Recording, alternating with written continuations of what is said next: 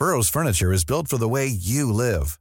From ensuring easy assembly and disassembly to honoring highly requested new colors for their award-winning seating, they always have their customers in mind. Their modular seating is made out of durable materials to last and grow with you. And with Burrow, you always get fast, free shipping. Get up to 60% off during Burrow's Memorial Day sale at burrow.com slash ACAST. That's burrow.com slash ACAST. burrow.com slash ACAST. Normally, being a little extra can be a bit much, but when it comes to healthcare, it pays to be extra. And United Healthcare makes it easy with Health Protector Guard fixed indemnity insurance plans. Underwritten by Golden Rule Insurance Company, they supplement your primary plan, helping you manage out of pocket costs without the usual requirements and restrictions like deductibles and enrollment periods. So when it comes to covering your medical bills, you can feel good about being a little extra. Visit uh1.com to find the Health Protector Guard plan for you. There's never been a faster or easier way to start your weight loss journey than with PlushCare. PlushCare accepts most insurance plans and gives you online access to board-certified physicians who can prescribe FDA-approved weight loss medications like Wigovi and Zepbound for those who qualify. Take charge of your health and speak with a board-certified physician about a weight loss plan that's right for you. Get started today at plushcare.com slash weight loss. That's plushcare.com slash weight loss. plushcare.com slash weight loss.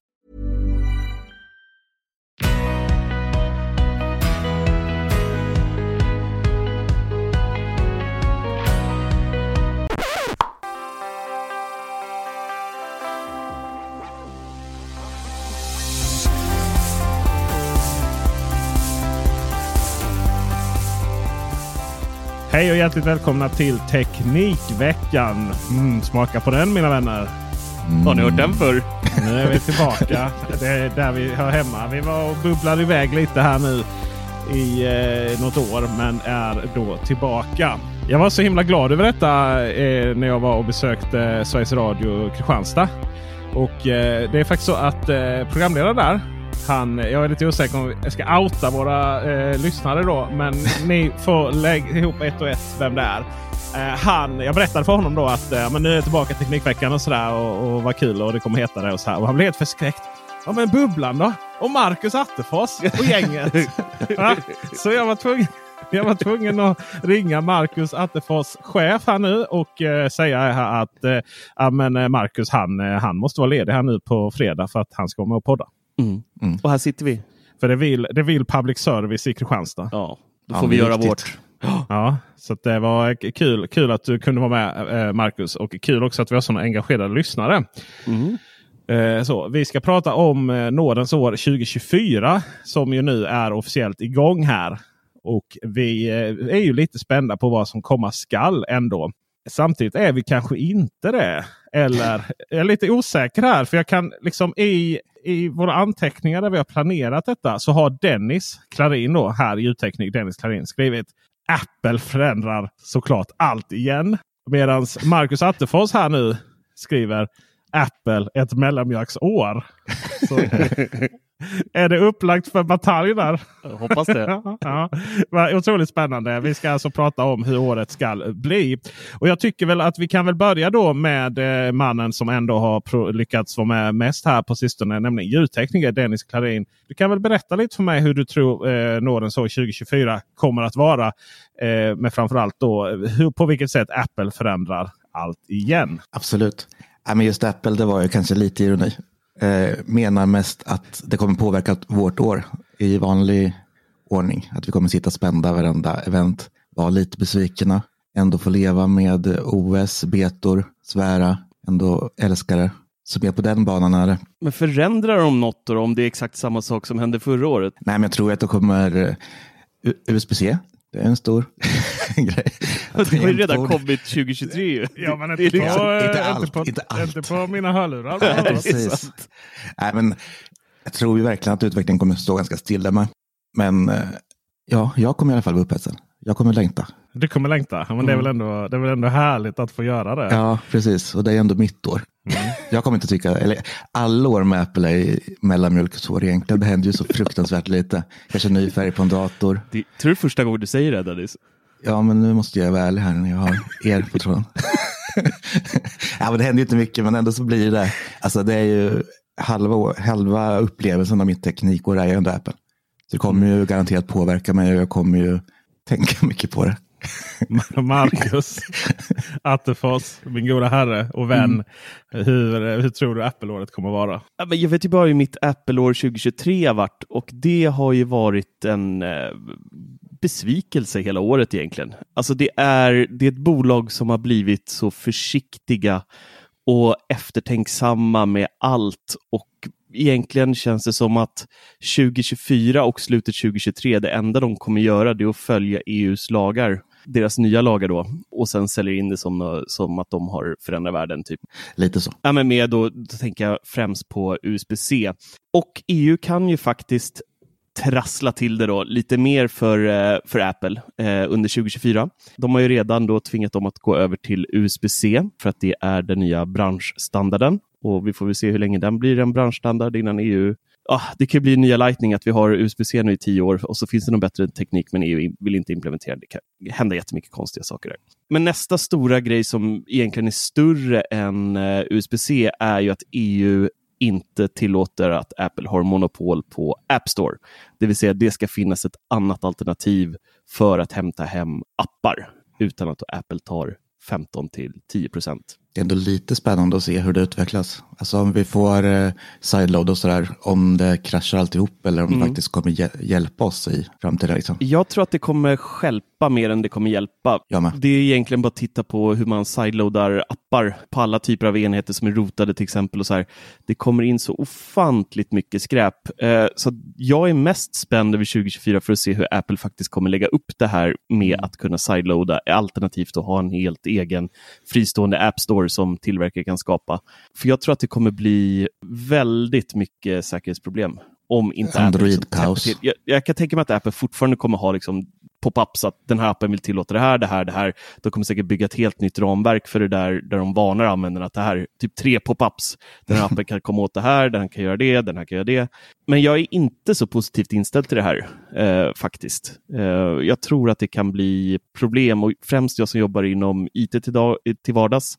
Eh, vi kommer behöva låsa ner. Idag har vi ingen nedlåsning alls på iPhones, men just en sån här grej är ju en säkerhetsaspekt som kommer behöva ett företag runt om i EU kommer behöva låsa ner telefoner i allt större utsträckning. Mm, så är det, det tror jag nog kommer vara helt självklart att inte acceptera att folk installerar vilka appar de vill på sina telefoner där. Och det kommer ni lösa då via, via MDM-system. Mm, precis. Och vi har ju telefonerna i MDM idag, men vi gör mm. inget aktivt. liksom. Eh, utan det free for all i App Store. Nej, eh, men det är ju, jag tror ju att det här kommer att pratas mycket om i våra kretsar och vad, vad de här eh, tredjeparts App Store kan innebära och så. Men i slutändan så tror jag inte att det kommer vara så himla få människor som kommer aktivera detta på sina iPhones. Precis som det är egentligen enda anledningen att flera höll på att vi låste upp våra Android-telefoner för att kunna installera SDK, alltså 3D-appar utifrån ballade hem från internet. Det var ju för mm. att vi ville ha in Android Auto när inte det fanns på Just Sverige. Det. Jag menar, appen var översatt på svenska och sådär. Och, sen, men den, och det funkade och så. Men den fanns inte helt enkelt. Sen blev ju den del av operativsystemet. Eh, och sen, och sen, sen lanserades officiellt också i Sverige. Men det, har, det fanns ju hur länge som helst på svenska och det var jättekonstigt. Men det var ju det vi gjorde det. Sen var det ju när eh, Fortnite där eh, Epic Games ville ha in Fortnite utan att dela på kakan. Då. Just det. det var ju också sådär skulle kidsen installera Fortnite på telefonen på det sättet. Men bortsett från eh, så här, nyfikna 14, 15, 16-åriga killar framförallt. Eh, som kommer att hålla på att latcha med det där. Och så kommer, kommer jag som far behöva eh, pappa, pappa, det funkar inte telefonen. Har, har nu installerat för skit. Liksom. Eh, bortsett från den, eh, den problematiken så tror jag att det där kommer egentligen vara en icke-fråga. Jag har två saker egentligen. En sak tror jag som jag kan konstatera eh, i Apple-året 2024. Det är att aldrig tidigare har det varit så ovärt att köpa en ny iPhone varje år.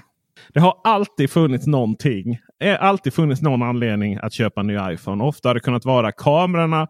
Eh, något år så var det ju att vi fick den feta braiga kameran även i den vanliga Pro-varianten istället för Max. Vissa år har det varit lite på gränsen varför vi ska uppgradera. Jag tror 6S var ett sånt år. Eh, och någon 7 variant. Men sen, sen har det ändå alltid funnits en anledning. Och nu sista nu var det ju i mångt och mycket egentligen bara få USB-C. För att slippa ha med den här extra kabeln. Men med USB-C på plats och kamerorna som är så himla bra. Så det ska till mycket för att vi ska ha ett intresse av att byta iPhone varje år mm. från och med nu. Det har jag svårt att tro. Jag, har till och med faktiskt inte ens bytt till 15. Jag tänkte att jag ska hoppa över den. Och så drar jag 16 här nu för att min iPhone 14 Max Pro den är så himla bra den telefonen. Mm. Mm. Jag kör också 14. De kommer säkert uppfinna någon ny grej ska du se. Så att det kommer alltså det är mycket såna här. Det, det, det har varit mycket sådana här liksom att man försöker hitta grejer som, som, som känns bra att presentera och sen har man aldrig använt det. Mm. Liksom mm, så här, jag sånt. vet inte, exempel på det kan ju vara den här eh, automatiska fokus. Alltså en skifta fokus där när du drar en eh, kamera på ett visst sätt som de la enormt mycket tid på. Alltså mellan objekt då. Mm. Eh, mm. de la mycket tid på presentation där det var, var det 14 eller var 13 lanseringen. Eh, och sen så kändes det som att ja, det var ju roligt och spännande men det här kommer vi aldrig någonsin använda. Och de kommer, de kommer fokusera så himla mycket på eh, att prata om hur, vad vi kan göra med ProRes och filma i riktiga filminspelningar och så vidare. Men alltså, vi, kan inte ens, vi, kan, vi kan inte ens skifta än så länge vad heter det, eh, slutare så att eh, vi slipper LED-flimmer. Liksom på, du vet, det går fortfarande inte att filma en bil utan att eh, det flimrar. Och, och visst, det går att eh, alltså ljus, eh, vad heter det, lyktorna på bilarna flimrar. Det går att skifta mellan att hålla på med pall och, och sådana saker och byta biluppdateringsfrekvens. Men det är inte det vi vill göra. Liksom. Det, är så, det, är, det är så fascinerande det att de fortfarande eh, pratar så himla mycket om hur dessa telefoner kan användas i proffssammanhang. Men vi kan fortfarande inte ha ett proffsläge i kameraappen. Det hade väl varit spännande om det var det då de lanserade mm. här nu för iPhone 16. Då är jag klar sen. Ja. Då är jag klar. Liksom. alltså, det, finns, det finns ju tredjepartsappar, Camera Plus och många de här, men man mm. använder dem ju inte. Alltså, man glömmer bort att de existerar bara för man trycker på kameraikonen snabbt eller om man har den här uh, nya ja, vet, jättemeningslösa actionknappen som jag faktiskt har stängt av på min telefon. Det var ju också en av featuresarna med, med ja. nya eh, Pro-serien. Den här jäkla gimmicks. knappen. Och det enda den här knappen gör för mig det är att när jag stoppar ner den i fickan så kommer jag åt den knappen så att den aktiverade någonting hela tiden. Eh, det jag hade ställt in den på. Då. Så kameran kunde ligga och vara igång i fickan och så, här, så att jag bara, fuck it. Jag har på ljudlös och så stängde jag av den bara. Jag tycker den så är... himla dumt. Mm, så himla dumt. Ja. Vi, vi, har ju, eh, vi har ju, när det kommer till hårdvara så kommer vi få lite mackar med M3. Vi mm. kommer tveksamt mm. vi kommer få Marcus iMac 27. Det har väl varit ett skämt ja, ni har känt det. Ja. Den, är lika, den är lika sannolikhet som, eh, som min runda Apple Watch. Just det. Ja. Jag De hamnar i samma fack liksom. Ja, vi får väl se om vi kanske lägger ner den där. Ja, får väl, ja. Men eh, Apple har ju väldiga problem nu med, med lite det gick väldigt långt. Annars brukar patenttvister sluta med att eh, de betalar lite pengar och så är de klara. Mm. Men här gick det så långt till att de fick försäljningsförbud ja. på Apple Watch i eh, alla med den här blodmätarsensorn. Ja, blodsyre. Ja. Ja. Och eh, medan de eh, Apple Watch SE då, som saknar den, där, den, den får de ha kvar. Mm. Men det där brukar de ju lösa. Tillräckligt mycket pengar löser det mesta i USA. Det är ju öppet nu igen. Nu får de sälja igen. Ja, ja, det var ju eh, det var sånt intermittent. Eh, eller vad heter det? Det heter eh, i Sverige heter det att man, att man, besök, att man, att man ansöker om inhibition. Mm. Det vill säga att beslutet påverkar så himla mycket. Så att tills det kommer ett riktigt dom, en riktig dom i frågan så äh, får de fortfarande sälja de här produkterna. Och Det var bland annat det som, äh, som i svensk del så hade vi Hövding där. Ju. De fick mm. ju försäljningsförbud från Konsumentverket. Men sen så begick, begick, begick heter det inte som att vi gick ett brott. Eh, men eh, då ansökte då Hövding om inhibition. Vilket gjorde då att eh, Hövding fick säljas under tiden som det faktiska, man väntar på, avvaktar på den faktiska domen. Vilket ju kan ta flera månader. Mm. Nu, kursade ju, nu ansökte Hövding om konkursen då. Det, det, är inte troligt att Apple gör för att de inte får sälja Apple Watches. men men, men så det, det, finns ju ett beslut där någonstans 2024 runt de här klockorna. Jag som är klocklös jag har klockor men de är inte på mig. Jag, jag är så ointresserad av den här så jag vet inte. Vad jag däremot mer är intresserad av är ju vad i himmelriket ska de kunna göra när de lanserar hårdvara som får oss att byta datorer. Mm. Jag menar Apple Macbook Pro 14 tum M1. Vilken dator? Ja, den kommer hålla ett tag. Ja. Vilken jag, dator? jag kör fortfarande på den. Och den, är, Ja. den känns som ny. Jag blir fortfarande lite glad varje gång man sitter och redigerar på den. För det är liksom, den bara äter allt. Allting. Den är ju, Ja. det är ju en, alltså när jag är ute och reser sådär. Mina filmer, jag är klar, det är så här, det bästa som finns är när flygplanet är försenat. Eh, när man är ute och reser. Då kan jag liksom få ut min film innan eh, mina konkurrenter som ofta flyger med ett annat flygplan från Stockholm. Innan de ens är hemma. Liksom innan de ens landar på Arlanda så har jag fått ut min video. Mm. Jag menar, jag hade eh, förr i tiden när jag gjorde lite reklamfilm och sånt för PC, Lenovo, så fick jag en sån här och det var, det var, jag, såg det, jag såg mycket reklam för den. Det var liksom innehållskreatörer. Det var helt fantastiskt och de kunde göra mycket som helst. där. TikTok då va. Men vet, jag kunde inte redigera mina Youtube-filmer utan att ha nätanslutning. Alltså utan att ha strömanslutning in i datorn. Mm. Tänk, pallar inte det? Alltså, Intel-processorerna pallar ju inte det. Nej, det är, eh, det är tokigt. Jag ska, faktiskt, eh, jag ska faktiskt smita in en sån. Vi ska fortsätta med Apple här nu fortfarande. då För vi har ju eh, ett litet headset att prata om också. Mm. Eller VR-headset. då. Eh, Men jag har skrivit här då, eh, inför 2024 att inte heller i år lyckas PC-världen göra någon som helst märkbar skillnad när det kommer till att byta till AR- ARM då, processorer. De är kvar i sitt gamla träsk där med mycket ström och tillföra mycket ström och ändå lyckas de inte ens komma i närheten av en bärbar tre år gammal Macbook Mm. Pro 14 tum. Så, men vi, vi får avsluta Apple tycker jag med att eh, hur pepp är vi då på Apple Vision? Inte alls. Jag är pepp, men det är ju en drömprodukt för 98 procent av eh, jordens befolkning. Det är ju ett eh, mixed reality headset eh, och det kommer ju lanseras i USA i februari. Sverige är inte ens annonserat som något land som ens kommer få den. De har inte sagt någonting om det. Eh, det kommer kosta en bit över 35 000 va? Var det inte det? 30, Ja, däromkring. ja, jag tror, ja, slant. 3500 dollar eller något sånt där. Ja, då blir det ju 40 här minst. Ja, men det är ju en bra slant för ett sånt här headset och jag ser inte hur den här produkten ska slå någon annanstans än hos typ företag och eh, sjukhus och industrier. Fast vad ska man göra på sjukhuset? Nej, men det finns ju redan. AI har ju redan börjat. Det är en annan puck som jag har sen, men vi kan doppa fötterna lite i det redan nu. Sjukhus har ju börjat arbeta ganska hårt med AI redan. Eh, de kommer kunna bygga upp träning av eh, medicinvård. Jag läste någon artikel om det här från något eh, större sjukhus i USA där någon då från det sjukhuset hade skrivit om just Apples eh, Vision Pro och att de såg extrema fördelar i utbildningssyfte eh, för mer experimentella operationer som de inte kan göra på människor än. Men teorier kan de nog bygga upp i den här mixed reality-världen med hjälp av sådana här headset och då även få upp jättemycket information samtidigt som de gör de här försöken och med hjälp av AI som kan kalkylera massa grejer beroende på vad de gör och så här, så, så kan det ta medicinvärlden framåt eh, snabbare. Det tror, jag, det tror jag också på, men jag tror inte att Apple Vision kommer vara svar på det. Jag tror att den är för överspesad och för dyr. Och det kommer liksom, de kommer ha så projekt där på privata sjukhus och det kommer vara helt fantastiskt. Och de kommer prata om det hur mycket Mm. som helst på. Men när det kommer liksom till lite mer bred utrullning så tror jag det är billigare headset som gör allting lite sämre. Utom just, just den spe- specifika modellen. då. Mm. Jag tror det är svårt. Apple har alltid haft svårt att slå sig in på nischgrejer. Spännande är det ju på det sättet att det, alltså det, kan, det kan mycket möjligtvis vara så att det blir en helt fantastisk produkt inom det här området.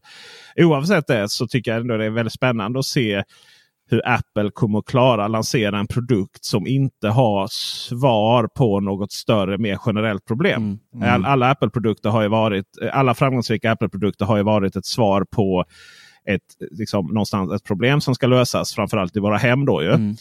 Och eh, eh, när man har försökt släppa produkter som inte har löst de här problemen så har, ju, har det inte gått något vidare. Exempelvis då, exempel, man kan bara kolla en sån sak som första Apple TV. Som ju inte var någon framgång överhuvudtaget. Den var lite för dyr. Den hade inga appar förutom att du skulle då ta och njuta av eh, Apples egna innehåll egentligen. Den hade ju Youtube visserligen, men då var inte Youtube alls så moget så att folk satt och tittade på det. Eh, sådär. Man hade, man hade lite da något dansklipp, Evolution of Dance, man satt och kollade på för att visa. Eh, men sen så kom ju ny Apple TV som vars fokus handlade ju väldigt mycket mer om att eh, leverera då andras innehåll till tvn på ett sätt som det som människor inte kunde göra innan. Jag minns när SVT Play kom till Apple TV. Wow! Mm. Liksom. Mm. Stort. Ja, så eh, Apple Vision blir ju otroligt, otroligt spännande. Vi får, får hoppas du kommer åt en sån lite så snabbt det kan bara Marcus där så vi får höra din eh, åsikt. Eh, jag hoppas att det- vi ha en fet thumbnail där när du har den på Ja. Med mina digitala ögon på framsidan. Där. Ja, som alla, alla gör. Ja. Ja, men det är det att man, jag ser liksom ingen, som du säger, den löser ju inga problem. Och eh, annan VR har ju liksom, det var ju skittufft i början liksom, men sen slutar det ju bara med att eh, vissa spel funkar väldigt bra i VR. Och det är ju där de är kvar i liksom. Vad ska man ha det till? Att liksom ersätta en skärm? Ja. Det är ju Jag, eh, samma. Just VR, eh, jag har ju Playstation 5 VR. Mm. Och eh, det var, ja, det var så häftigt. Jag har ju spelat eh, Horizon Zero Dawn och Forbidden West. Eh, där man springer runt i en värld. Vart du kräksjuk av eh, Horizon? Jag spelade det lite och skulle klättra så här uh, upp för någonting. Alltså, Samma, det bara, jag bara Ja, kände ja, det ja. började visa pärlor Ja. i pannan. Så Ja, svetten ja. började komma, kände det började rinna i ryggen. Så bara, nej, nu kommer jag spy snart. Ja, Alltså. ja. Slet du också av det headsetet? Ja, ja, visst. visst. Ja, Sen satt jag så Exakt låg jag i samma- fosterställning i soffan Ja, i visst, två timmar. Tror jag. Exakt samma scenario var det för mig. Att jag, man satt där i båten och tittade och så gick de här dinosaurierna över. Och de är enorma Mm. och man bara kände wow det här är det häftiga som finns. Ja. Wow, wow, wow. Det här vill jag se mer av. Sen då så fort du skulle börja klättra där med dina, dessutom dina lösa Rayman-armar. Då. Ja, det ser så jävla B ut. Och så kom ju den där, den kom ju direkt den här åksjukan direkt. Alltså, Ja. Det bara slita så av headsetet. Funkar inte. Jag har inte provat det sedan dess. Jag jag får ångest att bara prov, tänka på det. Och det är ändå liksom 9000 papp eller vad det där kostade. Ja. Nej det kanske det inte gjorde. Men, Ja, eh, närmare när det lanserades. Det var 7 och 9 eller något sånt där tror jag Var det det? Jesus. Ja. det, var, var, det var dyrt per minut kan jag säga det. men däremot, eh, ja, men VR blir ju väldigt mycket så här. Det är häftigt att prova som grej. Och det är Mm. lite häftigt så här säkert när man är, finns sådana här eventställen då du kan spela mot varandra och med varandra och i VR-miljöer. Eh, och som en liten festgrej då. Men Mm. fasen alltså, det åker inte på det här sättet. Och jag har alltid problem också för man måste mappa upp hemmet och det funkar inte. Eller rummet och det är bara sådär. Äh, Mm, det blir för bökigt för en spela med bara. Ja, jag fick en förfrågan från eh, en bekant här nu som eh, frågade om det fanns lösning för VR-headset när man är ute och cyklar. Då på, alltså i, inte ute och cyklar, inne och cyklar. Nu jävlar! och eh, det är ju en jättebra idé. Eh, men så slog jag mig liksom att du blir ju jättesvettig. Och då helt plötsligt Ja. så eh, du blir svettig utan att cykla. Med, cyk, vi cyklar upp för Alperna där vet du. I, i VR. Ja, den är tuff. Det är ju det som är mycket av, av problemet där. Eh, vi stannar kvar på detta ämne tycker jag delvis för att det går lite hand i hand. Och eh, Marcus Attefors tror att AI Ja, är ett eh, år, eh, 2024s AI-år är ett år av utveckling och avveckling. Den är lite, Eller hur? Den är lite tung. Eller hur? Ja. Mm. Nej, men AI har ju alltid varit, jag hatar ordet AI till att börja med för att det, är så, det har blivit så brett på något sätt. Men det jag pratar om... Allt är ja, AI. Allt, Ja, allt. allt Men det är ju, det är de, det är de stora AI-bolagen jag pratar om nu som, som faktiskt har tagit det här från att vara en framtidsprodukt till någonting som faktiskt går att använda idag. Och jag tror att 2024 kommer vi se fortsatt mycket fokus. Det är många som tror att 2024 blir året där AI kommer dö. Eh, har läst, läst jättemycket så här krönikor om det, att de tror att det kommer bli ett så här år där det bara fiser ut helt och bara blir eh, ingenting av det. Ja, men jag förstår vad du menar. Ja. En sån liten smygis liksom. Ja, precis. Som man, som man hoppas att ingen märker. Ja, exakt så. Ja, shit. Ja, det det Ja, jag, ber, jag ber om ursäkt för grabbigheten här. Sitta och, och skratta åt fisskämt. Men jag vet att ni vet vad jag menar. Ja. Allihopa, alla som Mm. lyssnar på Ja. detta. Jag vet. Alla vet. Ja, alla vet. Om de inte vet så ljuger de. Men jag tror att det kommer bakas in i allt fler produkter och tjänster. Eh, och jag tror att det kommer bli betydligt enklare att använda AI under 2024. För idag, vi leker ganska mycket med AI på jobbet eh, och även privat en hel del. Och idag så har du en prompt där du i princip ber den göra saker. Och vet man inte hur man ska be en AI att göra någonting, då blir det inte bra, resultatet. Eh, så jag tror mycket av jobbet kommer göra att få fler att använda AI under 2024 genom att göra hela promptdelen enklare för vanliga människor att använda AI. För idag finns det ju liksom arbeten där du jobbar som en promptare och liksom bara sitter och promptar ut grejer. Mm. Helt sjukt. Du, du anlitar en promptare Ja. för att prompta ut Ja, men det- grejer istället för att... Ja men det är så. Alltså, för att det, är, det finns väldigt specifika sätt att ställa frågorna på för att få rätt Ja. svar. Och sen även följdfrågorna och följdfrågorna på det och så liksom sitter man i sin lilla prompter i, i fyra, fem timmar och liksom bygger upp någonting. Nej, men jag tycker det i, i dagsläget så AI, det som vi menar.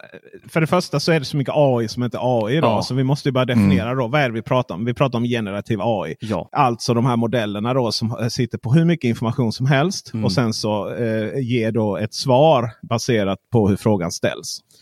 Och eh, de kan vara mer eller mindre avancerade. Eh, jag vet ju, jag provade Googles Bard första gången och jag var, hade visst varit vd för Bredband2. eh, och massvis med andra saker. Jag poddade med alla andra än de jag poddar med och sådana saker. För det var lite sådär, det, det kändes som att den tog slumpmässigt, ut, rader, slumpmässigt utvalda rader från LinkedIn och satte ihop. Jag har ju varit vd, men jag har inte varit vd för Bredband2. Jag har ett samarbete med Bredband2 där jag poddar i Bli säker-podden och sådana saker. Och poddar gör jag ju, men jag poddar ju inte med mina konkurrenter på IDG och sådär. läsa. har ni ingen, eh, men därför att det funkar ju ChatGPT bättre. Men generativ AI är ju det som är AI eh, så som vi känner till idag. Då. Eh, där tror jag att det är väldigt, väldigt, väldigt mycket en symptom av att Visst tekniken den kommer så ser man på LinkedIn att oj, de här som alltid är så helt, helt hypar om, om eh, all teknik. Det var ju de som tyckte att smarta hem skulle förändra allting och självkörande bilar skulle förändra allting. Och, det är liksom, och nu ska eh, AI förändra allting. Det är ju de som lever i framtiden nu. Och sen vi andra bara okej, fast allt jag ser ett resultat av det är liksom eh, AI-genererade bilder som Mm. ser så himla generiska ut.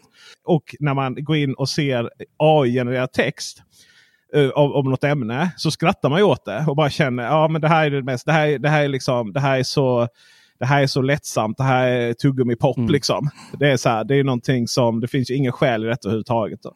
Så då skrattar vi lite åt det eh, och tycker att oj, det har ju inte alls blivit så som det förutspåddes. Men den här tekniken som så mycket annat tror jag har en tendens av att vi tenderar att överskatta dess eh, in, inverkan på kort sikt. Och vi har en tendens till att underskatta dess inverkan på lång sikt. Helt plötsligt så är vi bara där. Det var lite som när vi skulle börja eh, filma eller vi skulle ha börja videochatta med våra eller videokonferens med våra 3G-telefoner. Det var, det var ju jättedåligt. Det, det, var ingen som gjorde liksom. Och jag vet till eh, Europolitans kundtjänst skulle tvunget ringa videosamtal då om vi hade 3G-telefoner. Sen många, många år senare, tio år senare, ja men då är Facetime och Zoom och då sitter alla och, och har videokonferens i bilen när vi ska hämta ungarna och sådär via Zoom och Google Meet och Teams och allting. Och det är bara helt självklart. Och där tror jag vi har AI i ett nötskal. Mm, det är inte omöjligt. Nej. Ja, men det är så, det man ser utåt det är de här jävla bilderna som man liksom spyr på och eh, texter. Men jag tror också att det kommer liksom nästlas in där det, där det verkligen behövs och där det kan göra skillnad.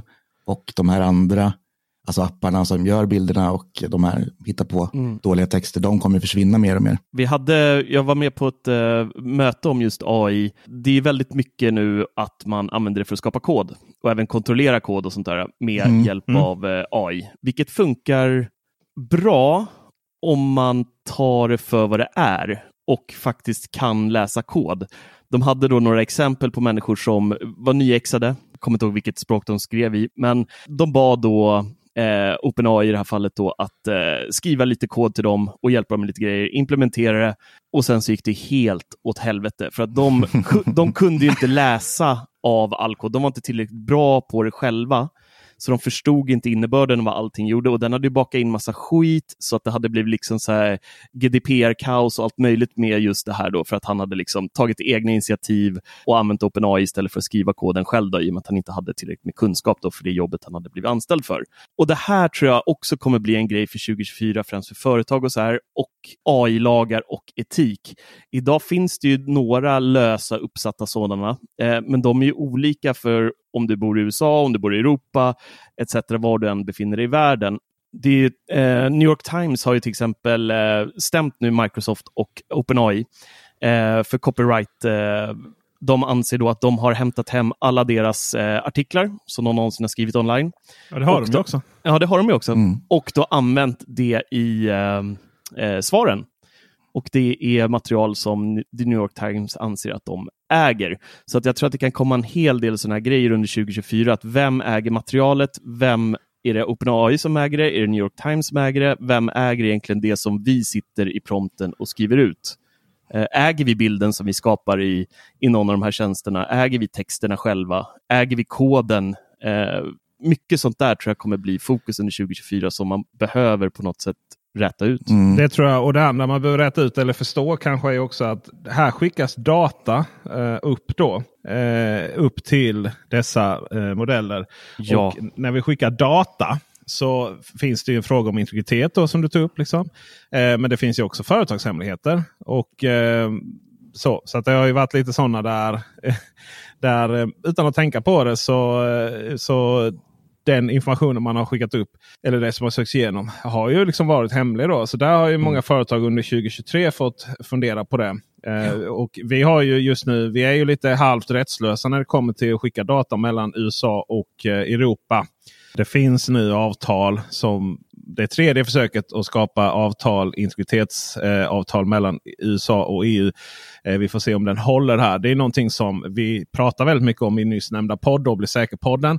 Och är ni intresserade av just eh, integritetsperspektivet runt de här eh, modellerna. Att skicka data upp till dem.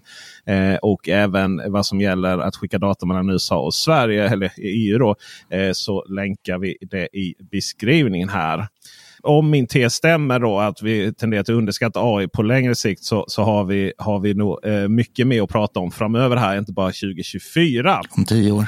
Då återkommer vi. Tycker, precis. Jag tycker vi ska prata underhållning. Mm. Ja, eh, faktiskt. Eh, här lite. Vi kommer komma tillbaka till eh, teknik. Men underhållning är någonting som vi, vi alla har eh, pratat om att eh, det kommer att bli.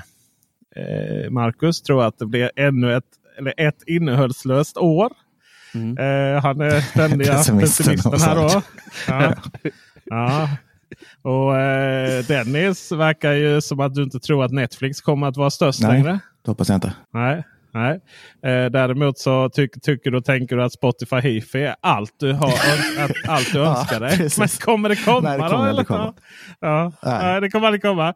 Och du tror, att, eh, du tror också att eh, covid och även strejken då kommer att märkas film och serie biosänks. Eh, mm. Ja, sänds och filmindustrin kommer gå ännu snabbare. Du, du, du.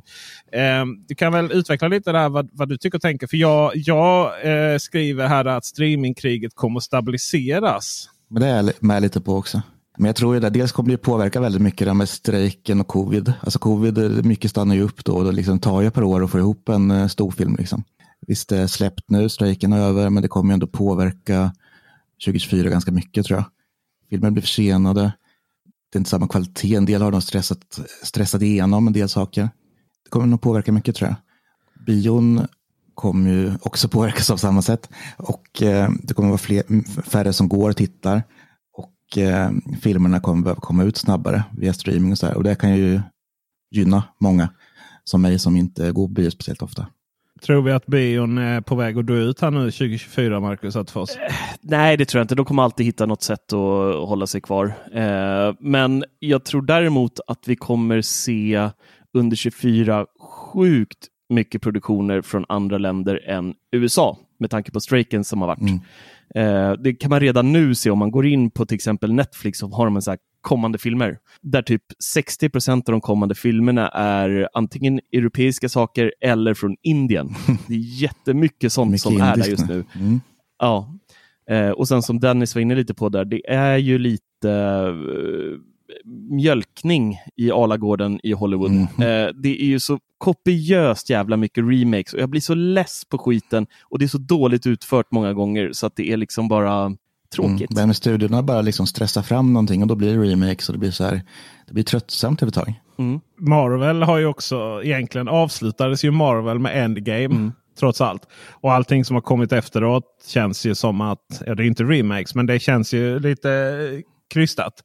Och det är ju inte särskilt bra och roliga filmer. Och jag har inte ens själv åkat mig igenom flera av de serier som har kommit till Disney Plus heller. Mm. Det är ju, de har ju blivit lite också. som Star Wars skulle man kunna säga. Det bara ja, liksom ja. spottas ut grejer och man intresset liksom, de inser inte att folk är lite mätta. Men till och med jag. Jag har stått på Nej. mig som fan om Star Wars så att jag kommer inte dö ut. Men till och med jag Ja. orkar inte se igenom Till, eh, och- till och Ashoka. du. Ja. Och den ska vara den bästa säger jag. Men jag säger bara, Men, fast Ashoka, Ashoka var ju, jag menar Ashoka, Ashoka undrar om man säger så, eh, var ju rätt bra. Eh, tyckte jag ju, men Andor har jag inte orkat med. Eh, men det är ju väldigt individuellt. mm, såklart. Det jag funderar på, eh, vi måste också reda ut. Har ni sett Rebel Moon? Nej. Nej, inte än. Inte?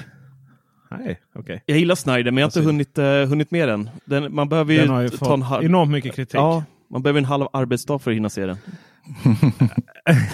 Det är viktigt tror jag att förstå att Netflix storfilmer alltid är bakis dagen efter-filmer och ska tas som sådana. Och det här är ju en fantastisk bakisrulle. Måste jag ju säga. Eh, och du kan liksom eh, nästan lista ut egentligen allting som ska hända och varför vissa människor är med. Det är också lite så här, men vad, vad, vilken situation uppstod nu då? Och så tyckte man det här var ju ett riktigt dåligt manus. Men sen samtidigt så förklaras det faktiskt lite i slutet också. Vissa saker, jag ska inte spoila mer alls. Men riktigt bra bakisrulle och riktigt bra Netflix-film. Eh, med det sagt så är ju frågan Dennis, varför tror du att Netflix inte kommer vara störst längre? Nej, men dels tror jag det kommer köpas upp och folk, eller folk, de kommer gå ihop. Det ser vi liksom på Discovery och eh, HBO nu. Och jag tror det kommer bli mer sådana affärer. En del kommer det gå dåligt för och bli uppköpta. Och eh, sen tror jag att Disney Plus bara kommer bli starkare. De kommer gå förbi Netflix till slut. Ja, i samband med det här uppköpen och sådär. Det kommer inte alls bli, och jag är ju personligen astrött på Netflix. Ja. Startade väldigt, väldigt sällan. Så jag tror och jag hoppas att fler kommer känna så snart. Det är bara dyrt. Det är typ min mest spelade eh, streamingtjänst Ja. faktiskt. Den och eh, HBO. HBO är ja. typ det ja. som Äm, äh, går varmast jag, jag äh, faktiskt HBO, Amazon Prime äh, ligger man varmt om hjärtat. Äh, så, och Mm. då är det faktiskt med, man kan köpa nu så man får extra fler kanaler inom citationstecken eller med innehåll. Då, 49 kronor för gamla såna MGM tror jag det är. Mm, just det. Och Peacock och massa sådana här konstiga... Ja, och då är det för att jag sitter och kollar på Star Trek SG, Såklart. SG1. Eh, Men eh, det där är ju spännande. Jag har ju fortfarande några sådana här streamingtjänster som kostar under eh, 50 kronor eller under 75 kronor i alla fall. Det är ju vad heter de? Sky. Ja, Sky Show. De Sky ju- Show. Ja. Ja, Och, och, och, så den bara ligger ju där och är, är okej. känner man ju. Eh, och sen så Amazon Prime kostar ju absolut ingenting. Och Nej. var det folk var sura för att det skulle kosta typ ett par dollar extra månaden för att slippa reklam i USA. Det var bara så, men det är fortfarande så himla billigt. Eh, och det är så mycket där. Det, det är helt okej. Mm. Medans sen är det ju det här med More och Viaplay. Mm. Ja, nej men, det, det är ju alltid någon sån här serie som man tittar på där. Och, och det är ju, ska gudarna veta att de tar mest betalt för sporten som jag inte bryr mig om överhuvudtaget. Så det gör ju ingenting att de där priserna höjs absurt. Men jag ser ju ingen som helst möjlighet att Viaplay kommer att klara sig kvar.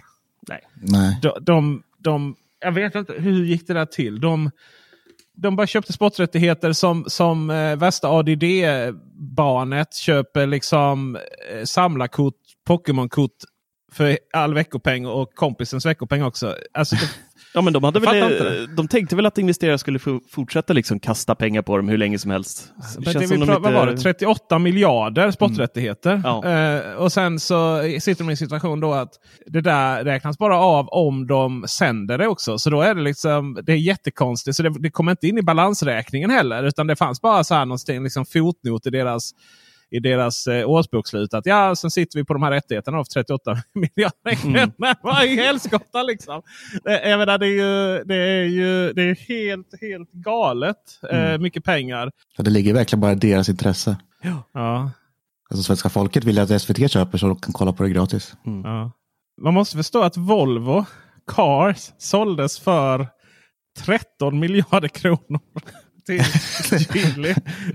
Jag menar, det där Ja, är Sveriges arbetsgivare. Och det, ja, ja, du vet, det är så... Wow, eh, det är så mycket pengar. Sen har vi ju det här, det här, sen har vi det här med Simor då. Där, så att Viaplay inte kommer att finnas kvar. Men naturligtvis så kommer ju någon tjänst skopa upp dem. Eller på något sätt så kommer det hända någon form av samgående. Vissa av de här tjänsterna känns som, jag vet Paramount har väl liksom gått igenom tre olika förändringar där. Eh, Men via Play kommer det ju hända någonting med i alla fall. Och sen Simor är ju intressant där. Eller nej, förlåt, TV4 är det nu. Mm, de ju. har gått ihop Ja, till samma just det. streamingtjänst. Ja, ja. Och TV4, eh, TV4 Play. Och där te, Telia skulle av någon anledning köpa upp TV4 från Bonnier. Och hela de här Simor då. Utan att överhuvudtaget veta varför verkar det som. Och ingen vill ha dem. Eh, så nu kommer de väl säljas igen då till någon. Mm. Stackare. Så vi, Viaplay. får vi se liksom. Ja. och, De har pengar. eh, Ja, de har pengar. Eh, men ja, nej, det, det är ju någonting. Kom, det, det, det är min förutspåelse. Någon kom, någonting kommer hända både med TV4 Play och, och via Play då. Och eh, så. Sen Netflix kommer nog ständigt bara finnas. Känns inte det som att det är en Jo. institution snarare? Jo, det kommer finnas absolut. Men jag hoppas att, de, att det går sämre för dem. Hoppas det är lite väl hårda ord kanske. Ja, Ja, men jag, jag, jag tycker folk också behöver någonstans stanna upp, för det är så många som gnäller på priserna. Alltså, jag jag betalar, jag har Netflix fam familjeabonnemang eh, med 4K-skärmar och det är fyra eller fem personer som ska titta samtidigt eller något sånt där. Ja. Och det pröjsar jag 170 någonting kronor för i månaden. Eh, vilket jag tycker är Det måste vara mer pengar. Jag tror att det ligger där, 179 spänn eller något sånt. 189 kanske. Då. Ja, Eh, kan där någonstans. Eh, och jag tycker det är skitbilligt. Alltså, jag kommer liksom ihåg, eh, i alla fall vi som är, är, är tillräckligt gamla för att komma ihåg liksom, när man gick och hyrde film. Och Mm. stod där i videoaffären, man skulle ta sig dit. Man stod och, hyr, man stod och tittade på alla jävla covers i, i en 45 minuter. Stackars föräldrarna fick stå där inne och bara cirkulera som måsar liksom, medan man Ja. läste baksidan på alla filmer. Och så Och hyrde smet, man... smet in i det där rummet med gardin för. Ja, där där fick man ju tyvärr aldrig gå in. Men, eh, och så liksom hyrde man två, tre filmer och det gick på en, eh, vad kostar det per film? 25 spänn kanske? Ja, men Något det var något sånt. Ja. Och sen fanns det så Mm. här äldre där du hade fem för 25. Och Ja, precis. Ja. Och den där reabacken med filmer, gamla VHS-kassetter som man fick köpa och, och sådär. Och så tittar man ju på de där två filmerna hela jävla helgen sen, eh, tills de skulle tillbaka på söndag. Och jag tycker liksom 180 spänn eller vad det är nu för, för deras fetaste abonnemang, för att liksom ha så kopiöst mycket material, nästan för mycket material för att det blir svårt att hitta, är liksom billigt. Ja, det är, det är ju faktiskt det. Jag tror att det är fascinerande hur svårt det är att ta betalt för digitalt innehåll. Mm. Fast vi får så himla mycket. Ta bara gå på bio som sagt. Och det är ju en sämre upplevelse oftast då. Ja. Om det är andra människor där. Bara, Det brukar vara det. Alltså, jag vet, eh, ja, men bara så här fredagsmyset till min familj. Och då är vi ändå bara tre då. Varav jag äter inte godis. Mm. Så då är det två. Varav de inte är så himla stora i maten de där. Då är, ska de ha naturgodis då? eh, för att det känns bättre. Och det är som att köpa saffran i lösvikt nästan. Ja. Ja men det är 200 spänn till dem. Och du vet en annan. Hade, du är gärna tur att inte jag har hetsäter längre. För att alltså, hade jag, skulle jag fylla en sån påse där det var 300 spänn. det, eh, gå och ta, eh, ta en öl på krogen. Är ju, jag, jag har så svårt för det där. Men, men Och ta öl på krogen. det är klart. Ja det också. Men eh, jag har så svårt för att förstå varför vi värderar just digitalt innehåll så lågt. då. Men det, det känns som att det är på väg att gå upp nu. Att, att vi faktiskt respekterar det. Jag hörde att NHL, om du ska... Man tycker det är dyrt med 700, vad är det, 700 någonting för eh, via Play Sport. Då, om man ska få all, all sån här eh, svettig, svettigt innehåll. Jag, jag hörde någonstans att bara om du ska streama NHL i USA, då är det 1000 spänn. Alltså typ 100 dollar ja, det är sinnessjukt. per månad. Då. Ja. Ja, äh, men det ska bli intressant att se vad, vad som händer med streamingkriget. För jag tror att någonstans så kommer det behöva jämna ut sig. Mm, är folk, är, folk är ju lessa på att ha sex, sju olika tjänster för att följa sina Mm. tre serier eh, på olika plattformar. Man sitter liksom, eh, det här med att sitta och välja en film på kvällarna. Det är en jävligt dålig lösning att följa tre serier på, på, på sex tjänster annars. Ja, jo, men du fattar. Och så vill man se någon film på den ena och så på ja. någon på den andra. Men bara det här att sitta och välja fredagsfilmer eller lördagsfilmer med familjen när man har fyra viljor och eh, sex streamingtjänster.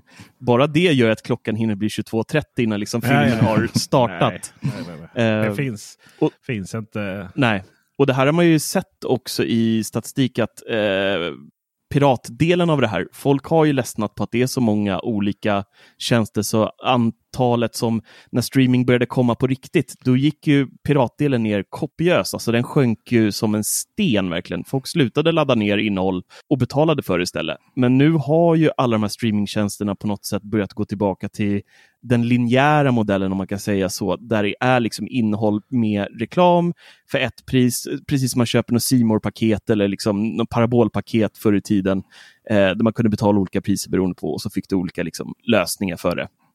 Så att jag tror att de på ett sätt skjuter sig lite i foten med att göra det så krångligt med massa olika sorters abonnemang. Ska de ha det på reklam, då tycker jag det nästan ska vara, inte gratis, men nära på i alla fall. Eh, och sen så får liksom den fulla upplevelsen vara ett abonnemang där man liksom betalar mer. Mm. Stream, streamingåret tror jag är det som kommer vara kanske mest intressant 2024. Mm. Någonstans. Mm, eh, där. Och eh, sådär.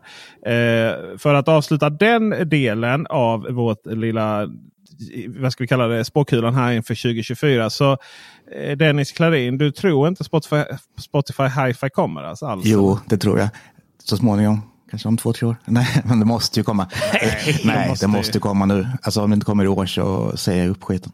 Nej, men alltså, jag tror musikstreaming är inte samma krig. Eller ja, det här kriget har ju Spotify redan vunnit i sådana fall. Men så då måste ju verkligen leverera hi-fi. Annars de kommer ju tappa användare på det när folk eh, upptäcker hur, mycket, hur nice det är med hi-fi. Mm. Men kommer folk, var är, varför är det nice med hi-fi? För, och nu mm. Dennis, nu är det så här, du är en unik, underbar människa med ett gott öra för musik. Och jag är med dig. Eh, och, och framförallt har vi också utrustning för att hantera lite mm. mer högupplöst ljud. Och det är ju trevligt. Det är ju nice. Underbart. Det är ju härligt. Mm. Men gemene man och kvinna Okej, kanske har rätt i det. är ju Fan. helt ointresserad av detta. ja, helt ointresserad av detta. Så ja, jag förstår ändå Spotify inte är så bråttom, men liksom, det är över två år sedan liksom, de presenterade. Frågan är vad som är svårt. Alltså vad, är, vad är ja, problemet? Jag fattar inte vad problemet är. Jag, jag skulle säga prissättningen. De fick ju en blöt disktrasa i ansiktet av Apple där när de ja. släppte eh, lossless-ljudet gratis för, för alla abonnemang. Eh, alla som redan hade ett abonnemang mm. där, och, eller skaffa ett för den delen. Och de hade en helt annan plan, Spotify, att det här skulle släppas med en extra kostnad mm. såklart. Men samtidigt som SSI så är det väldigt få som eh, kanske hoppar på det här tåget. Eh, många har ju liksom typ gratis Spotify fortfarande med reklam för att de inte vill betala ja. premium. Och eh, lägg på en hundring på priset och eh, ge det till de som vill ha det. Lätt. Jag menar, för alltså, vad är problemet? Är liksom bandbredden, skulle det inte räcka till? Det kan ju vara, det kan vara jobbet att göra det också. Ja, kanske. Att det inte är värt ja. det. Att eh, liksom fixa till allt det där i högupplöst ljud. Eh, man kanske kunde, skulle man inte kunna se eh, det här losslessa ljudet lite som Apples Vision Pro? Nej, inte alls. det, är en, det är en minimal procentuell det där, det där skara människor runt om i världen som, som, som blir, uh, blir trångt i byxan på när de tänker på det. Men resten liksom skiter fullständigt i det. Liksom. De vill höra på sina Arne Anka i 320. Anka. Håller du med Dennis? Nej, inte alls. Nej. Det kanske är 0,1 procent som vill ha vision, men det är nog i alla fall 5 procent som vill ha det. Var det ett hån? Var det ett hån? ja, det där var bara skitsnack. Vi, eh, vi hade ju under 2023 hade vi ett litet debacle runt Sony då när de eh, helt enkelt bara tog bort massa av material från Discovery som folk hade köpt. Inte hyrt, köpt. Just det. Och detta kommer att eh, komma tillbaka för man har löst det avtalsmässigt. Det kommer komma tillbaka då. Men sen det finns, alltså alla avtal har ju ett slutdatum. Eh, så det kan, mm. väl komma, det kan väl uppstå den här situationen igen. Eh, men eh, någonstans så tror jag att vi kanske redan nådens år 2023 lär oss att, att köpa DRM-skyddat material. Utron att vi äger det, det är nog dumt. Det är, allting mm. är hyra oavsett, eh, på lång eller kort sikt när det kommer till eh, DRM-skyddat material på internet. Eh, en tråkig sak under 2024 är också att Nintendo kommer att stänga ner servrarna för Nintendo DS och Nintendo Wii U. Men var inte det på tiden då eller? Inte de asgamla? Ändå. Jag förstår inte heller. Varför ska man, varför ska man stänga varför ner? ska man liksom stänga ner dem? Det var ju jättesmidigt. Eh, det är många charmiga spel och sådär. Och allting finns ja, inte. Ja, men allting kommer flytta över till Switch såklart. Alltså det växer som fasen och ja, mycket emulatorer om man säger så.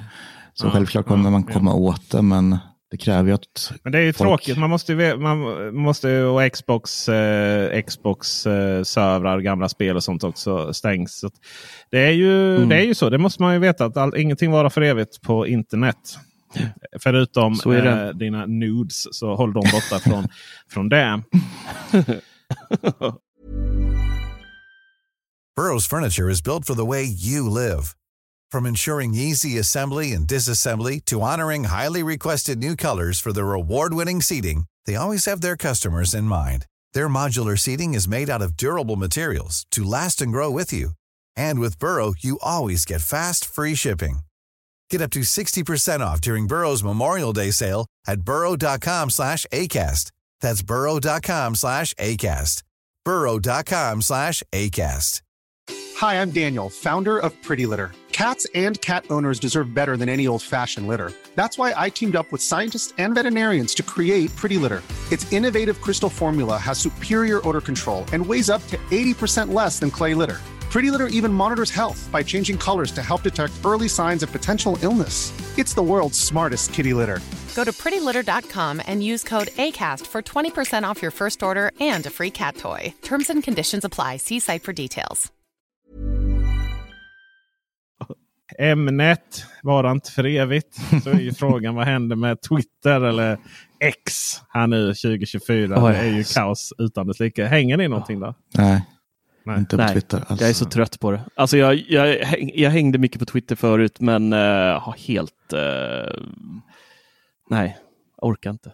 Och så blev jag lite glad för threads där i början och fick ett så uppsving. Ja, men man nu är det blir mätt liksom. Det där eh, socialkriget, det blir så mycket nytt och man vill bara att det ska vara som det alltid har varit. Liksom. man, man, kanske, vara, man kanske börjar bli Ja, gubbig ja. men liksom, man orkar inte hänga på allt. Den när vi står där och hyr en VHS. Ja, precis. Ja, videobutiken. Men eh, det är ju framförallt handlar det ju om att eh, X får liksom problem att betala sina lån och så. I och med att de har ju inga annonsörer kvar. Han skrämmer ju bort dem Elon Musk. eh, Och är ju, han blir ju så himla kränkt. Han satt väl i tv och sa fuck you väljer. till alla här ja, nyligen va? Ja visst. Ja, Ja. Det bra, bra, bra content. eh, men sen, det är som du säger, threads. Det, det var också lite roligt ett tag. Och man får ju upp så här, så många följer dig. Jag Bara, oh, varför följer de mig? Liksom? Mm. Men det är ju för att de har fått upp Instagram det var någonstans det kändes som att... Ja, över, precis. Och, och så på, jag är så himla trött på både X och eh, eh, Threads också har blivit sådär att saker som trendar för mig. Det är kvinnor som skriver någonting som har någonting relevant till någon form av deras sexliv eller någonting sånt. Mhm. Som, Mm, det är det ska vara lite, som ska vara lite så här eh, underfundigt. Och, och Det är ju jätte kanske intressant för dem och många andra. Men jag är så himla ointresserad av, av detta. För att jag följer liksom folk inom framförallt eh, nät. Eh, alltså eh, Eh, vad heter det? Eh, elnät och sådana saker. Eh, det är spännande. Liksom Fredrik Sjödin på, eh, på el, e, installationsföretagen och sånt som, som är en opinionsbildare i det. Och, och jag följer lite folk som rapporterar om eh, kriget i Ukraina. Och, det är så här, jag är så himla ointresserad av just i de, eh, i de sammanhangen så är jag så himla ointresserad av anonyma kvinnors eh, sexliv. Faktiskt Mm. helt, helt ointresserad av det på de plattformarna. Ska man kalla det. De här mänskliga behoven eh, och algoritmerna anpassas efter dem. De förstör lite för mig. Det är lite samma sak på TikTok. Eh, innan Uff. man lyckades eh, tvätta bort det genom att titta på enormt många roliga söta marsvinsfilmer. Då, eh, sådär. Eh, och nu så, nu så har jag sett till att följa eh, intressanta eh, människor. Och så. För TikTok för mig är ju liksom lite humor och sånt. Och då är det inte heller, och ännu värre, de här amerikanska eh, TikTokarna som Oh my hubby tänker så här. Ja men gud vad ni har Oh. ett jävla normspecifika förhållande där era amerikanare. Helt ointresserad av det. Jag vet hur samhället ser ut liksom. Ah, så trött, så trött jag blir på det. Nej, men det är helt sjukt alltså för typ eh, Snapchat och eh, TikTok på min telefon och iPad. Det är ju min dotter som använder. Jag går ju aldrig in där. Men då är det liksom. mycket marsvin då i alla fall. Nej, det, alltså, om, jag, upp- om man öppnar är det feeden. bara. Ja, så är det liksom. Men det var Det, är bara som tjejer som skakar rumpan. Ja, men det, det förändras ju inte. Det är fortfarande de Åh, där. fan. Jag jag lyckas få bort de där skaka rumpa. Ja, det är kanske extremt mycket hamstrar vi måste kolla Ja, på. exakt. Du får göra en video om det Peter. Så här får du bort mjukporren från TikTok. Ja, just det. Just Där just det. Och får Titta- hamstrar. Titta på, på hamster.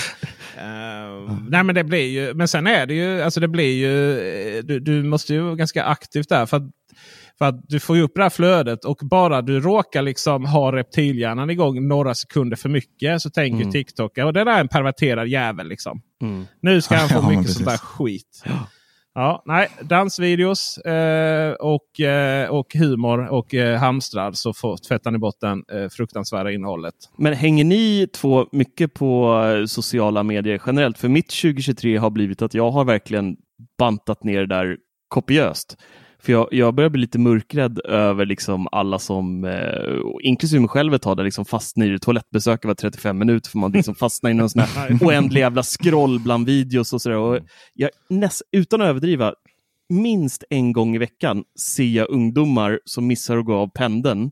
Eh, för, för att de liksom är fast i det där jävla scrollandet. Och så ser man hur de så här springer upp, dörrarna stängs och så står de bara och svär för sig själva att de liksom inte hann gå av i sin Att de eh, inte var station. bättre människor. Nej, Framförallt Ja. TikTok för mig. Eh, det är ingenting jag tittar på alls. Eh, så egentligen fast, jag, fast, fast trots eh, matsvinstvätteriet. Eh, Mm. matsvinstvätteriet är framförallt mest på Instagram Reels som jag hamnar på ibland. Just för att Mm. jag faktiskt använder TikTok. Förlåt, jag använder Freudians felsägning där. Nej, men jag använder ju Instagram eh, mer som förr i tiden. Alltså som när man eh, botaniserar bland VHS-hyllan. Mm. Jag tittar liksom på folks stillbilder då av vänner och nära och kära. Då. Eh, och sen så blir det ju lite reels där och så hamnar man där lätt. Sådär. Så, men TikTok använder jag bara för att producera själv. Att jag Mm. lägger upp mina egna grejer. Eh, så. Och sen så Facebook eh, är, använder jag bara egentligen grupper. Och då är det ju i de här elbilsgrupperna och se vad det senaste proble- problemet är som jag då kan ta upp. Eller jag kan hitta folk som har problem och så kan jag ställa frågor till dem och sådär. Och så kan jag skapa innehåll utifrån det då. Mm. Eh, däremot så jag eh, delar till exempel aldrig mina egna videos där och sånt. Jag gjorde en, eh, jag gjorde en koll nämligen på, för att det delas rätt mycket av mina videos i elbilsgrupperna av sig själv. Mm. Och det är kul att se. Men sen så gjorde jag liksom en koll på hur mycket av trafiken som, som eh, kommer ifrån Facebook. Och eh, det var alltså nere på 2 Mm. av min Ja, trafik. man scrollar bara förbi liksom. Ja, alltså även om folk klickar. Men det kanske säger att det, att det är 100 pers. En som, tänk om det är 100 pers som klickar på min video på Facebook. Det är ganska många människor. Mm. Eh, och säg att det sker liksom ett par gånger. Eh, då kanske det, säg att jag kanske får 3000 eller jag får 5000 kanske jag får eh, klick därifrån. Jag hade alltså 820 000 visningar på min Youtube i eh, senaste 28 dagarna. Mm. Mm. Och Då är de här 4-5 tusen från Facebook. Det är liksom ingenting. Nej. Nej, Nej det. Eh, sådär. Så, men däremot så hittar jag uppslag därifrån vad folk som engageras. Och sen så hittar de till mina videos från annat håll. Men att dela på Facebook är ju någonting som är allt mer och mer ointressant. Jag hörde också i Emanuel Karlsten och eh, eh, hans eh, kollega. Jävla dålig koll jag har nu på namn här. I Mediapodden. Där de då gick igenom vad folk hade, liksom Facebook, de mest klickade video, eller länkarna. Och det är jättemycket Aftonbladet då. Det är mycket sådana, antingen har folk dött eller så har folk eh, räddats. Mm. Så här gulliga eh, historier.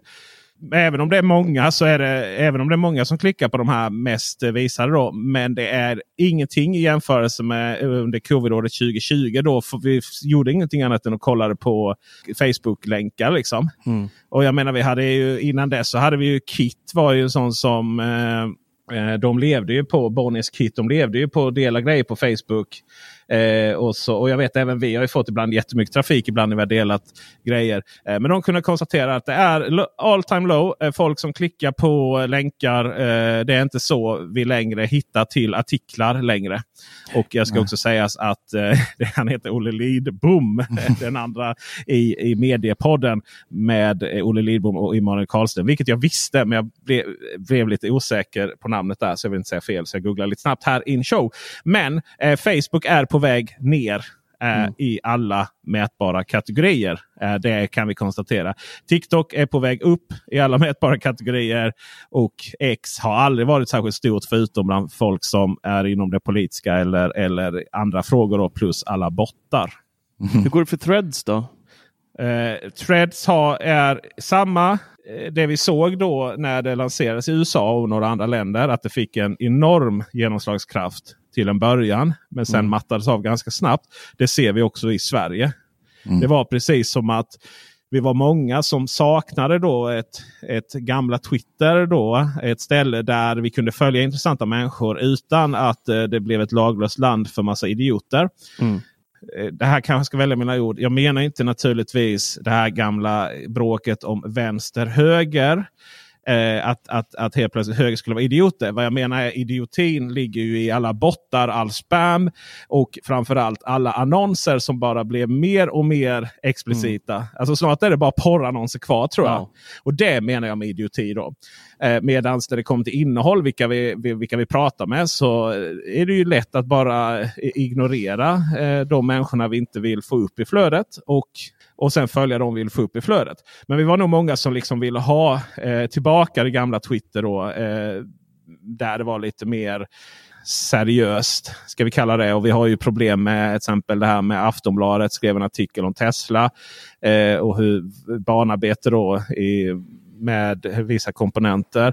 Eh, och att den då eh, markerades som en skadlig länk hos Twitter. Och folk trodde att det var ett, liksom, något aktivt val från Elon Musk. Det var det naturligtvis inte. Alltså så...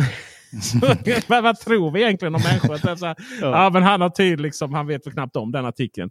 Eh, men däremot så blev den ju säkert eh, eh, spammarkerad på grund av att ett gäng Tesla-folk i Sverige var sura och, och anmälde den. då. Eh, och då slog algoritmerna till. Men eh, det som är problemet då med X är ju att då det finns ingen, att- det finns ingen att kontakta där liksom från Aftonbladets håll. Det finns ingen att få svar på. Det finns ingen som korrigerar detta. Och allt detta är ju idioti. Då, och då, då var vi många som ville liksom, ja men Threads kanske är det nya stället att hänga på. Men ganska omgående visade det sig att ja, alltså, vi är rätt trygga med dem vi följer på X. Och alla nya människor som dök upp där på Threads. Det gav liksom ingenting. Eh, Nej, det men finns så liksom känner jag med Thread. Alltså. Jag vet inte Ja, det vad man ska liksom ha det inget. till. Så, så, det, så det blev väl mycket problem, problematiskt där. Att, att, att det finns liksom inget... Threads var inte den lösningen eh, på...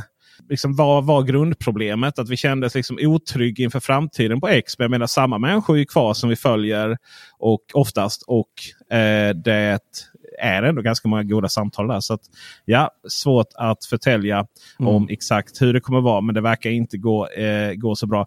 En annan sak som däremot går väldigt, väldigt, väldigt, väldigt, väldigt bra. Och det här kommer bli nice. Det är ju att vi, vi bytte ämne totalt. här. Mm. Ja. Helt rätt. Passkeys mina vänner. Mm. Det där är så integrerat i Apple-världen så ni vet inte ens att ni använder det säkert.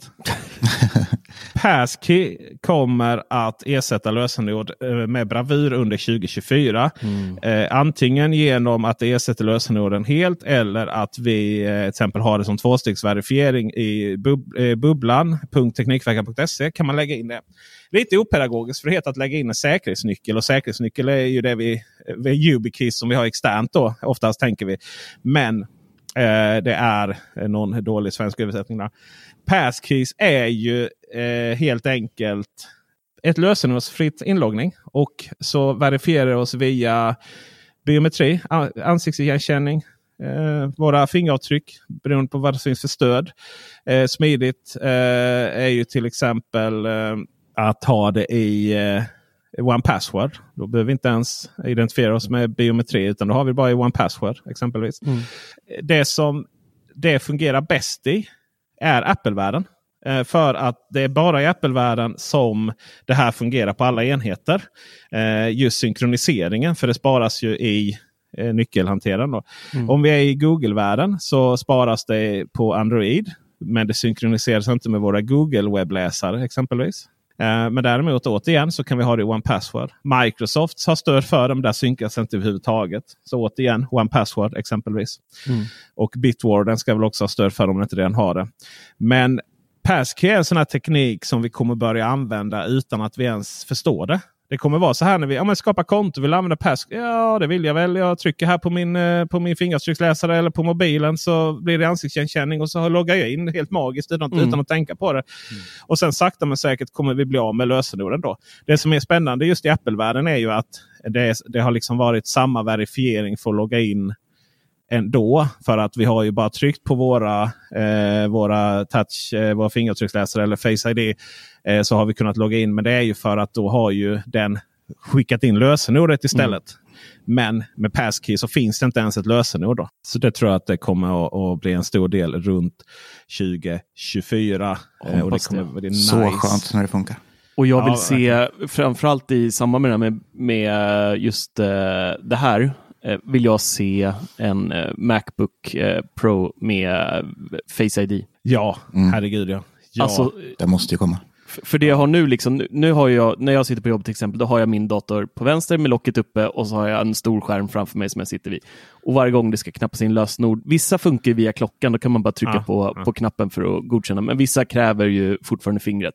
Får man sträcka sig hela vägen bort dit bort och liksom och tänk att bara kunna titta dit och bara så, klart. Det blir ju som liksom Windows Hello där de har liksom det även i inlogg på PCs. Ja. När du loggar in på datorn, bara upp med ansiktet så är det, så är det klart. Liksom. Det är ju, hur gör man då till exempel om man inte har fingeravtrycksläsare? Du har inte eh, ansiktsigenkänning och du har dem inte i One Password. Pinkod va? QR-kod. Då, Ja, tar upp, då tar du upp telefonen och scannar på skärmen och sen så går du Face ID då eller Ja. fingeravtrycksläsare på den. Eh, det där är ju suboptimalt egentligen. Och det jag hoppas utöver då att Apple eh, faktiskt får i ansiktsigenkänning på eh, de bärbara, helt självklart. Så hade det inte varit gentilt om de kunde släppa möjlighet till fingeravtrycksläsare på tredjepartstangentbord. Jo, jäklar vad skönt det hade varit. Det hade varit trevligt. Det hade varit väldigt trevligt. För, för jag tror inte de kommer släppa liksom någon sån här tredjepartskamera. Det blir nog ingen eyesight Nej. extra. Nej. Nej. Jävla snygg den är dock. Ja, ja, ja, ja, ja. Visst, visst, visst, visst, visst, visst. Nej, men det håller jag med om. Det håller jag med om. Vi ska prata om hemautomatisering här. Och Mm. Vi har två ämnen kvar. Vi har hemautomatisering och vi har bilar lite snabbt i slutet. vi tog ju upp det här i förra avsnittet att vi är så himla klara med Ja, hemautomatiseringen. ni har kört där redan. Nej, men Lite grann. Alltså under 2023 är vi, var vi lite så här, men du vet, vi fick våra, vi har våra lampknappar, det fungerar bra, vi kan sätta igång timern och vi kan sätta igång musik. Liksom. Vi är så himla nöjda och klara. Vi vet inte vad det är som ska, eh, som ska till för att, eh, för att det ska ändras. Men det finns liksom inga fler problem att lösa där heller. Liksom. Nej, det är ju frågan. Ett problem. Det är ju matter i så fall Mm, Dennis. Exakt. Ja, det är ju det enda. Och det går ju sådär liksom. Hur, hur många år har vi inte hört om Matter Som nu? eh, hi-fi på Spotify ungefär. De började ju snacka om det här på... eh, Nej, man kommer ihåg liksom tugget för, var det tre år sedan eh, på IFA liksom? Varenda jävel stod och snackade Mm. där om ah, nu är vi klara med våran uh, Matter-lösning här, den kommer komma inom några månader. Och nu tre år senare så är det liksom fortfarande så här, Boris, ah, vi är inte där riktigt än, vi är inte där riktigt än. Ja, men det är det enda som Nej. saknas, att allt lirar med allt. Att, att liksom, man inte behöver ha fler appar eller sådär. Men det där är ju också, för att all, så fort allting ska leda med allting, då saknar man ju funktioner. Mm. Jag menar, bara det här, eh, du vet, det, det tog eh, kameror med eh, fysisk lins framför. Vilket kan kännas tryggt. Eh, ja, men det, då gick ju inte den funktionen in i HomeKit. Nej, exakt. Exempelvis. Nej, det är dumt. Och, och när det kommer till eh, julgransbelysningen med Hue eller Twinkly och alla möjliga sätt vi vill ha det och så vidare. Nej, men det är ju inte liksom grundläggande stöd för det. Nej. Och, och så, det som jag naturligtvis skulle vilja ha. Jag skulle ju så här, ja, men jag vill ha in mina ringkameror i Google Home. Eller Google Nest Hub Max-skärmen. Eh, helt enkelt. Eh, om det ringer på ringklockan så vill jag att det ska komma upp. Och, och där finns ju ingen som helst koppling. Sen samtidigt så, så fort det ringer så ringer på ringklockan. Då tar jag upp, häver jag upp telefonen och så har jag ring notis där som jag går in och kollar på direkt. Så det är inte så här jätteproblem. Och jag måste säga också Google Nest Hub. Alltså den blir bara dummare och dummare för varje år som går. så att liksom någonstans om det är någonting som händer under 20, året 2024 så är det i så fall att Google bara skiter i sina Nest-produkter helt och hållet. Det har man ju sett dem göra förr. Ja, Apple men kommer menar- väl som tar över världen sen. Ja just det, den ryktas det också om. Mm. Ja naturligtvis ja, att det ska komma en HomePod med skärm. Mm. Men, men alltså Google Home systemet eller Google Nest. eh, Det är, nu vet man ju knappt vad som är vad. Men Google Assistant är ju själva röstassistenten. Google Home är väl ekosystemet och Google Nest är väl hårdvaran då.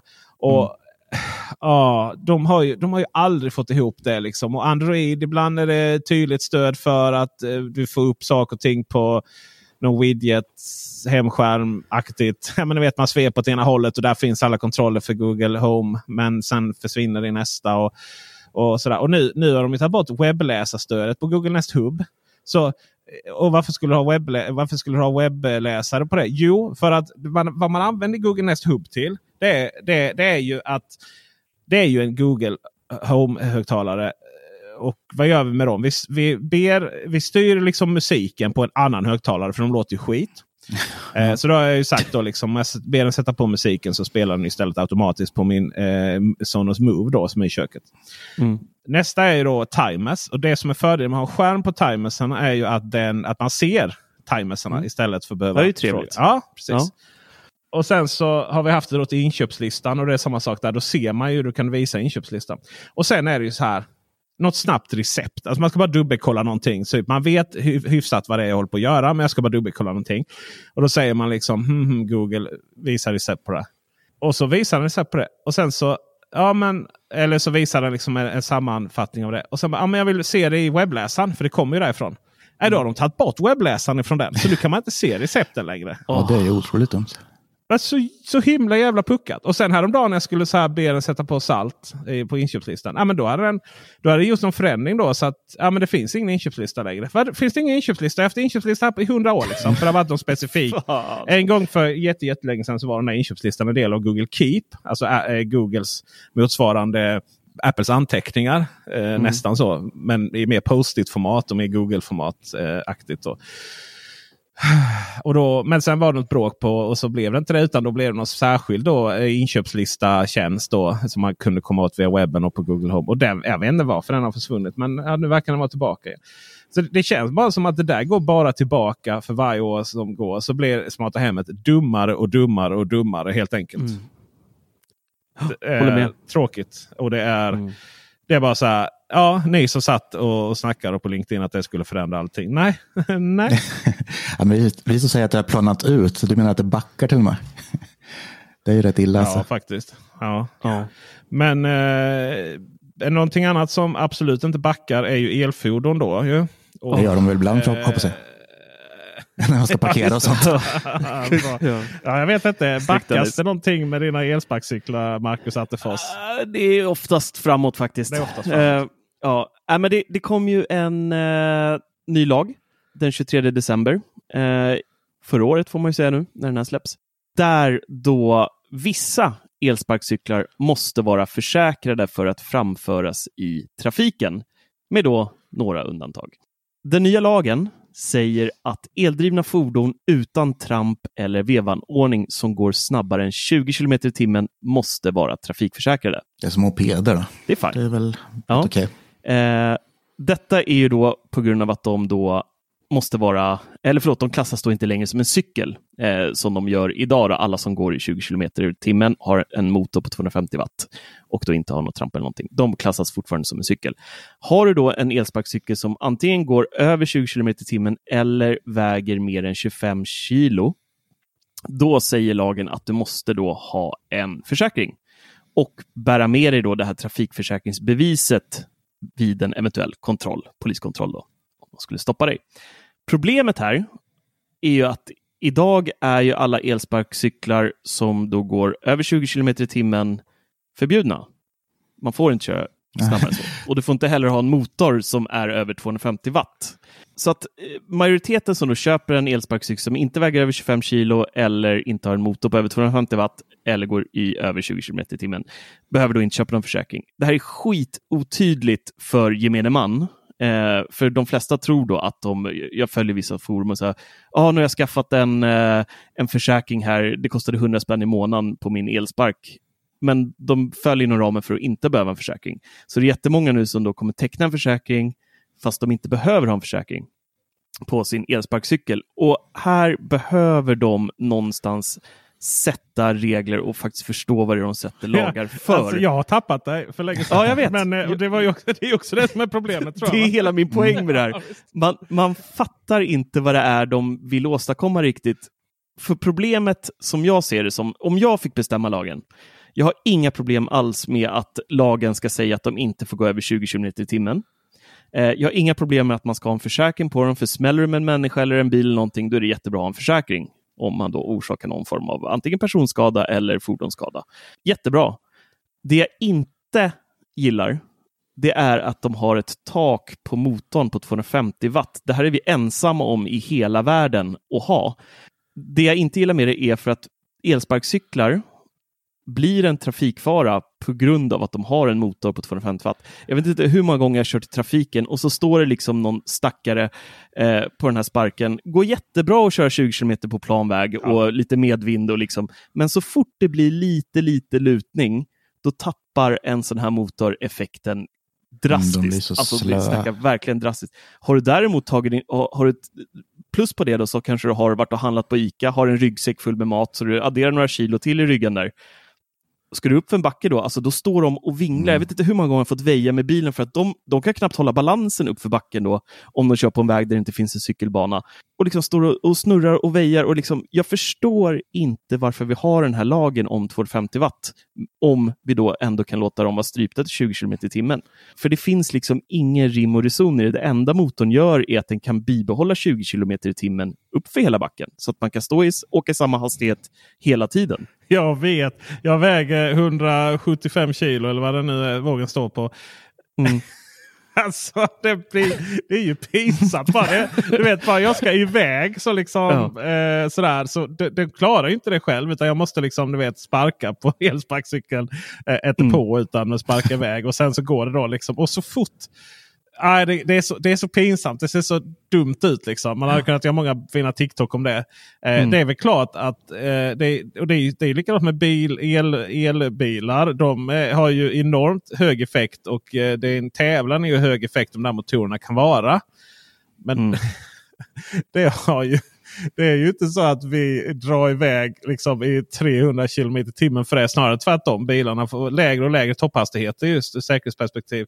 Eh, men eh, dragvikten ökar ju och, och eh, liksom andra saker. Hur, hur snabbt vi kan parera trafiksituationer och sådana saker. Det är ju det viktiga. Nej, jag förstår överhuvudtaget inte vad den här effekt, effekten kommer på på el, el, elcyklar. Mm. Och, och, och även där handlar det väldigt mycket om att de, de, de där elsparkcyklarna de, de skapar också en situation där kidsen får bristande respekt för lagar. Mm. Lagar i Sverige tenderar till att respekteras rätt mycket till skillnad mot vissa andra länder. Alltså vi har en hög tilltro till det. Men det där är ju bara en normfråga. Det finns ju ingenting i vår biologi som säger att vi respekterar eh, lagar betydligt mer än vad man gör i Italien. så att Nej, säga. precis. Utan det är ju någonting eh, när det handlar om en tro på samhället och vad det innebär. Och alla har ju lärt sig att ja, men köp en elsparkcykel. För det första blir det inga kontroller på det för polisen. och Se bara till att köra liksom rätt och så vidare. Mm. Det spelar ingen roll eh, att, att den här är olaglig. Och så fort det är så här, ja, men det spelar ingen roll att den är olaglig. Ja, men då blir ju lagarna helt tandlösa. Så de måste anpassa sig till verkligheten. Ja, verkligen. och sätta lagar som är logiska. Men jag tror så här, jag förstår lagen och jag tror att den här lagen inte är utformad för privatpersoner i första hand utan för Voi och sådana, för deras hojar Ja. väger över den här vikten. Eh, vissa av dem har faktiskt högre watt än 250 också, det märker man när man kör dem också. Eh, men de är då capade till 20 km i timmen och i vissa, till exempel vissa ställen i, i Stockholm så stryps även hastigheten på gågator och sånt automatiskt så att de inte går över typ 10, 5-10 km i timmen. Det är då Ja. GPS-baserat. Men den här lagen är ju framför allt till uthyrarna, att de måste skaffa eh, försäkringar på hojarna. Men då är ju också så här, lagen säger att man ska kunna uppvisa då eh, försäkrings... Så då kommer ju Voi eller någonting, jag gissar då att skulle man bli stoppad på en Voi så kommer man i framtiden eh, då, ja, det borde vara implementerat nu egentligen, då, eh, i deras app då visa upp ett försäkringsbevis från Voi då, Mm. gissar jag. Det var lite som en kontroll eh, när folk tittade i mobiltelefoner där Mm. när den lagen Ja, kom. Sen har man inte hört någonting om att, Eh, så, elsparkcyklar generellt sett når den så 2024. Nu har jag sagt når den många gånger Mm. här. Eh, Men det, det, det är för elsparkcyklar är det verkligen nådens år. Eh, det är make it or break it om de där platsar på våra gator. För det är så mycket re- eh, regleringar som kommer lokalt här nu om de överhuvudtaget får finnas. Hur många som får finnas. I Malmö här till exempel så anses det vara så få så att det är knappt en mening att bedriva verksamhet. Det vill säga att du hittar liksom inte elsparkcyklar när du behöver dem. Och sen är det ju det här också vad de får parkera. Och det är nog vettigt att eh, elsparkcyklar eh, bara ska få parkeras på eh, specifika parkeringsplatser. Men då måste ju de vara väldigt nära. Alltså Ja, strategiskt placerade och, liksom. Ja, och, och, och jag vet i Malmö, vid Malmö central då så blev det så här. Eh, då blev det ju att ja, men de fick liksom inte komma in på centralområdet då. Utan eh, de går inte att avsluta där för det finns en sån zon. Mm. Ja, men då, då ställs de ju precis på alla farleder. Eh, direkt liksom precis där. Eh, eller farleder men liksom alla gångar in till, eh, in till eh, eh, stationen. då. Så det, det blir ju ändå ett hav av elsparkcyklar som ligger där och sk- skräller. Mm. Eh, utan då skulle det ju naturligtvis vara eh, då skulle ju naturligtvis de här områdena eh, byggas för att du kan ta elsparkcyklarna så nära tåget som möjligt. För det är en ganska bra mobilitetsgrej. Att istället för att du tar eh, bil från om du ska till exempel åka från Malmö till eh, Lund då.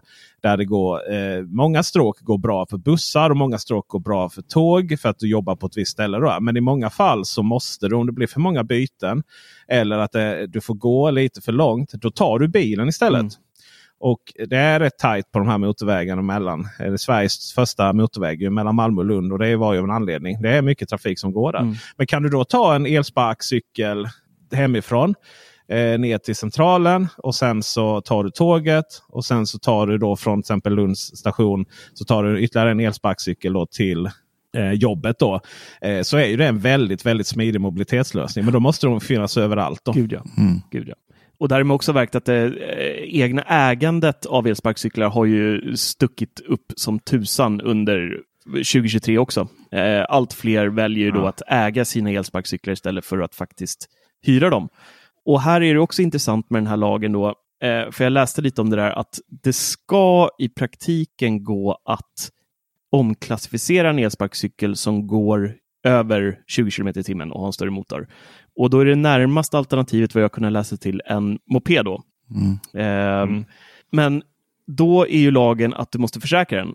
Och det finns inte ett enda försäkringsbolag som eh, klassificerar då den här. Även om du lyckas få igenom att det, det här är en moped så säger alla försäkringsbolag nej. Ja, men det är så dumt. Liksom. Det är klart att det ska finnas olika klasser. Ja, för jag ser gärna att det finns högre klasser också. Att man har en, en eh, elsparkcykel. Jag tycker 20 är väldigt, väldigt slött. Mm. Eh, 25 är verkligen en sweet spot som är hanterbar med tanke på storlek på däck på elsparkcyklar och allting. Man hinner se eh, gupp i vägen och, och sådär. Eh, över 25 så tycker jag att det är liksom Ja, det blir otäckt. Ja, det, blir, men det kan bli farligt. Mm. Det är där alla olyckor sker oftast också. Eh, om att det kör på fyllan med moj. Men så att jag hade gärna velat sett att man dels då kan klassificera om en elsparkcykel som något annat, om det ska vara som en moppe, vet det fasen. Men eh, liksom tung elsparkcykel kanske man kan ha en klass som heter eller något. Mm, Ja, det är absolut. ingen dum idé alls faktiskt. Eh, För de kan ju bli väldigt kompetenta om de är lite större och lite tyngre. Och Oh ja. Därmed blir de också mer eh, säkra. Än, eh, det är ju, handlar ju om större hjul och sånt också. Det är ju, jag vet hemma så har vi en sån här efter de hade lagt ny asfalt så körde, var en sista byggarbetare som tvunget skulle köra med någon liten sån bobcat. Mm. Ni vet sån liten mini över den här, över den här asfalten och riva upp en liten grej. Som om du cyklar så bara känner du liksom lite dudung. Mm. Men elsparkcyklar med de små hjulen minsta det är respektingivande faktiskt. Oh ja. Eh, det finns mycket runt det där. Eh, Det ska också sägas att eh, eh, när det, det pratas ju mycket om det här med elfordon som brinner och folk har fått för sig att elbilar skulle vara osäkrare ur ett brandperspektiv. När det är själva verket precis tvärtom. Mm. Men om vi ser på kategorin elfordon som brinner så är det ju rätt stort. Mm. Och det beror ju på att det som är batteriernas akilleshäl. Om fossila sakers akilleshäl är att eh, eh, droppar fossila bränslen, framförallt bensin, på någonting som är väldigt varmt så kan det börja brinna. Mm. Och de där sakerna tenderar också till att de börjar brinna. Så, och tanken eh, slår läck så kan det då liksom rinna ut i parkeringsgarage och så vidare. Och så blir det tokigt. Men eh, batteriers dilemma är att de kan själv eh, de kan få termisk eh, heter det, rusning om de är skadade. Och antal bilbatterier som har råkat tappa till vardags är ju rätt. Ja, så att säga. Ja. Det är om du kör om du kör krocka eller om du kör offroad och sådär. Mm. Men antal cykelbatterier du vet, vi tar upp ifrån och bär med oss som vi råkar tappa eller st faktiskt stöter till för mycket. Det är ju rätt ofta. Och antal elsparkcyklar som vi tappar eller smäller till, de ramlar. Liksom. Det är också rätt mycket där.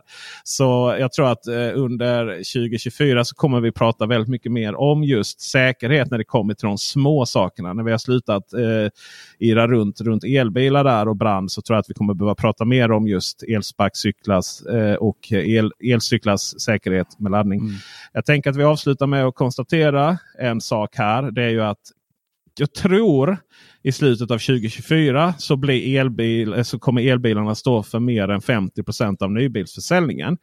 I år avslutar vi med eh, strax under 40% av nybilsförsäljningen. Det såldes alltså eh, runt 120 000 elbilar. Vilket till exempel man kan jämföra med runt eh, strax över 40 000 bensinbilar och strax över 40 000 Det är dieselbilar. rätt imponerande. Med tanke på att det ändå är ett inflationsår också. Liksom, folks ekonomi är inte den Ja, verkligen. bästa heller. Verkligen. Och inga, inga eh, vad heter det? Det var ju många som beställde och så. Eh, som kommer lite sent och så. Men Mm. absolut, det är över 100 000 här.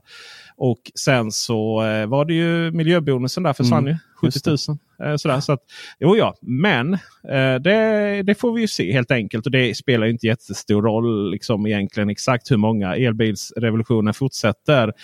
Men den fortsätter ju också inom konsumentteknikföretagen. Och det är ju otroligt spännande för den här podden. att nu, Huawei har ju då tidigare pratat elbilar och visat upp en prototyp. Och nu har ju Xiaomi lanserat Spännande. eller visat upp förlåt. En, och det, det är liksom det som är så roligt med de här konsumentteknikföretagen. är ju att för folk kan ju räkna bort dem lite. Det är många som lanserar elbilar nu och det är, vissa pratar vitt och brett. Och det, är, det är svårt att det är lätt att göra prototyper. Det är svårare att få ut dem på marknaden och därefter är det svårare att liksom ha en serviceorganisation och så vidare. Men är det någon, något företag som har produktionskapacitet och är det något företag som har världsomspännande eh, eh, återförsäljarnät och även servicenät så är det väl Xiaomi. En fråga här, där, jag vet inte om du kan svara på det, men ju fler sådana här uh, techbolag, skulle man ändå kunna eh, lägga dem under, som börjar då skapa bilar. Finns det någon sån här universell produktionslinje man kan ta sig till? För all, alla, kan, alla kan väl inte ha liksom egna, egna setuper av de här? För det, kommer, det, det ploppar ju upp liksom nya hela tiden känns som. Mm. Ja, verkligen. Det gör ju det. Det som är universellt här är ju att alla använder ju någon variant av Android. Eh, kärnan då. Alltså att antingen Android Automotive då som används Eh, ja, Volvo eh, Cars, Polestar använder det. Eh, Audi kommer börja basera sina på det. Men då är det ju väldigt mycket så här deras egna gränssnitt på det. Det ser ju olika ut varje eh, bilmodell. Men typ alla kinesiska bilmodeller ser exakt Mm. samma ut. Det känns, det är liksom, det känns så himla kopior. likt. Och det är lite, ganska Tesla-inspirerat. Ja. precis. Eh, sådär. Så det är liksom, man är väldigt snabb på att anamma det. Så man är väldigt snabb på att få ut funktioner.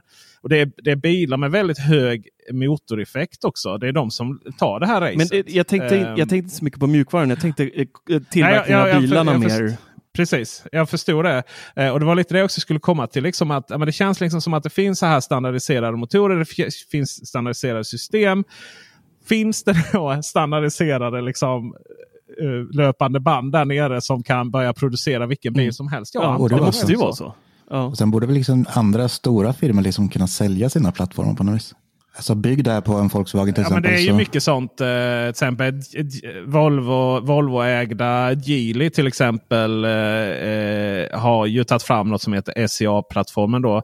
Scalable eh, Architecture. sk- det är, vad står det? Su- Sustainable Experience System, Architect Platform. Är det så den heter? Wow, sustainable experience. Och det är liksom så här, och, och då är det, då är det så här. Eh, då finns det SCA 1, eh, det finns SCA E, det finns massor av sådana varianter eh, på det där. Och så, så, så tenderar det liksom komma ett gäng bilar samtidigt. då. Till exempel Volvo EX30 som har systerbilen X, eh, Kiker X som är systerbil till ska vi se här, smart hashtag 1 och 3. Och sen så finns det en större variant då, där, eh, där Polestar finns. Och, det, det, är så, det är så mycket mm. sådär. Och det, och det, känns liksom som att det här är bara liksom ett Excel-dokument mm. med olika komponenter.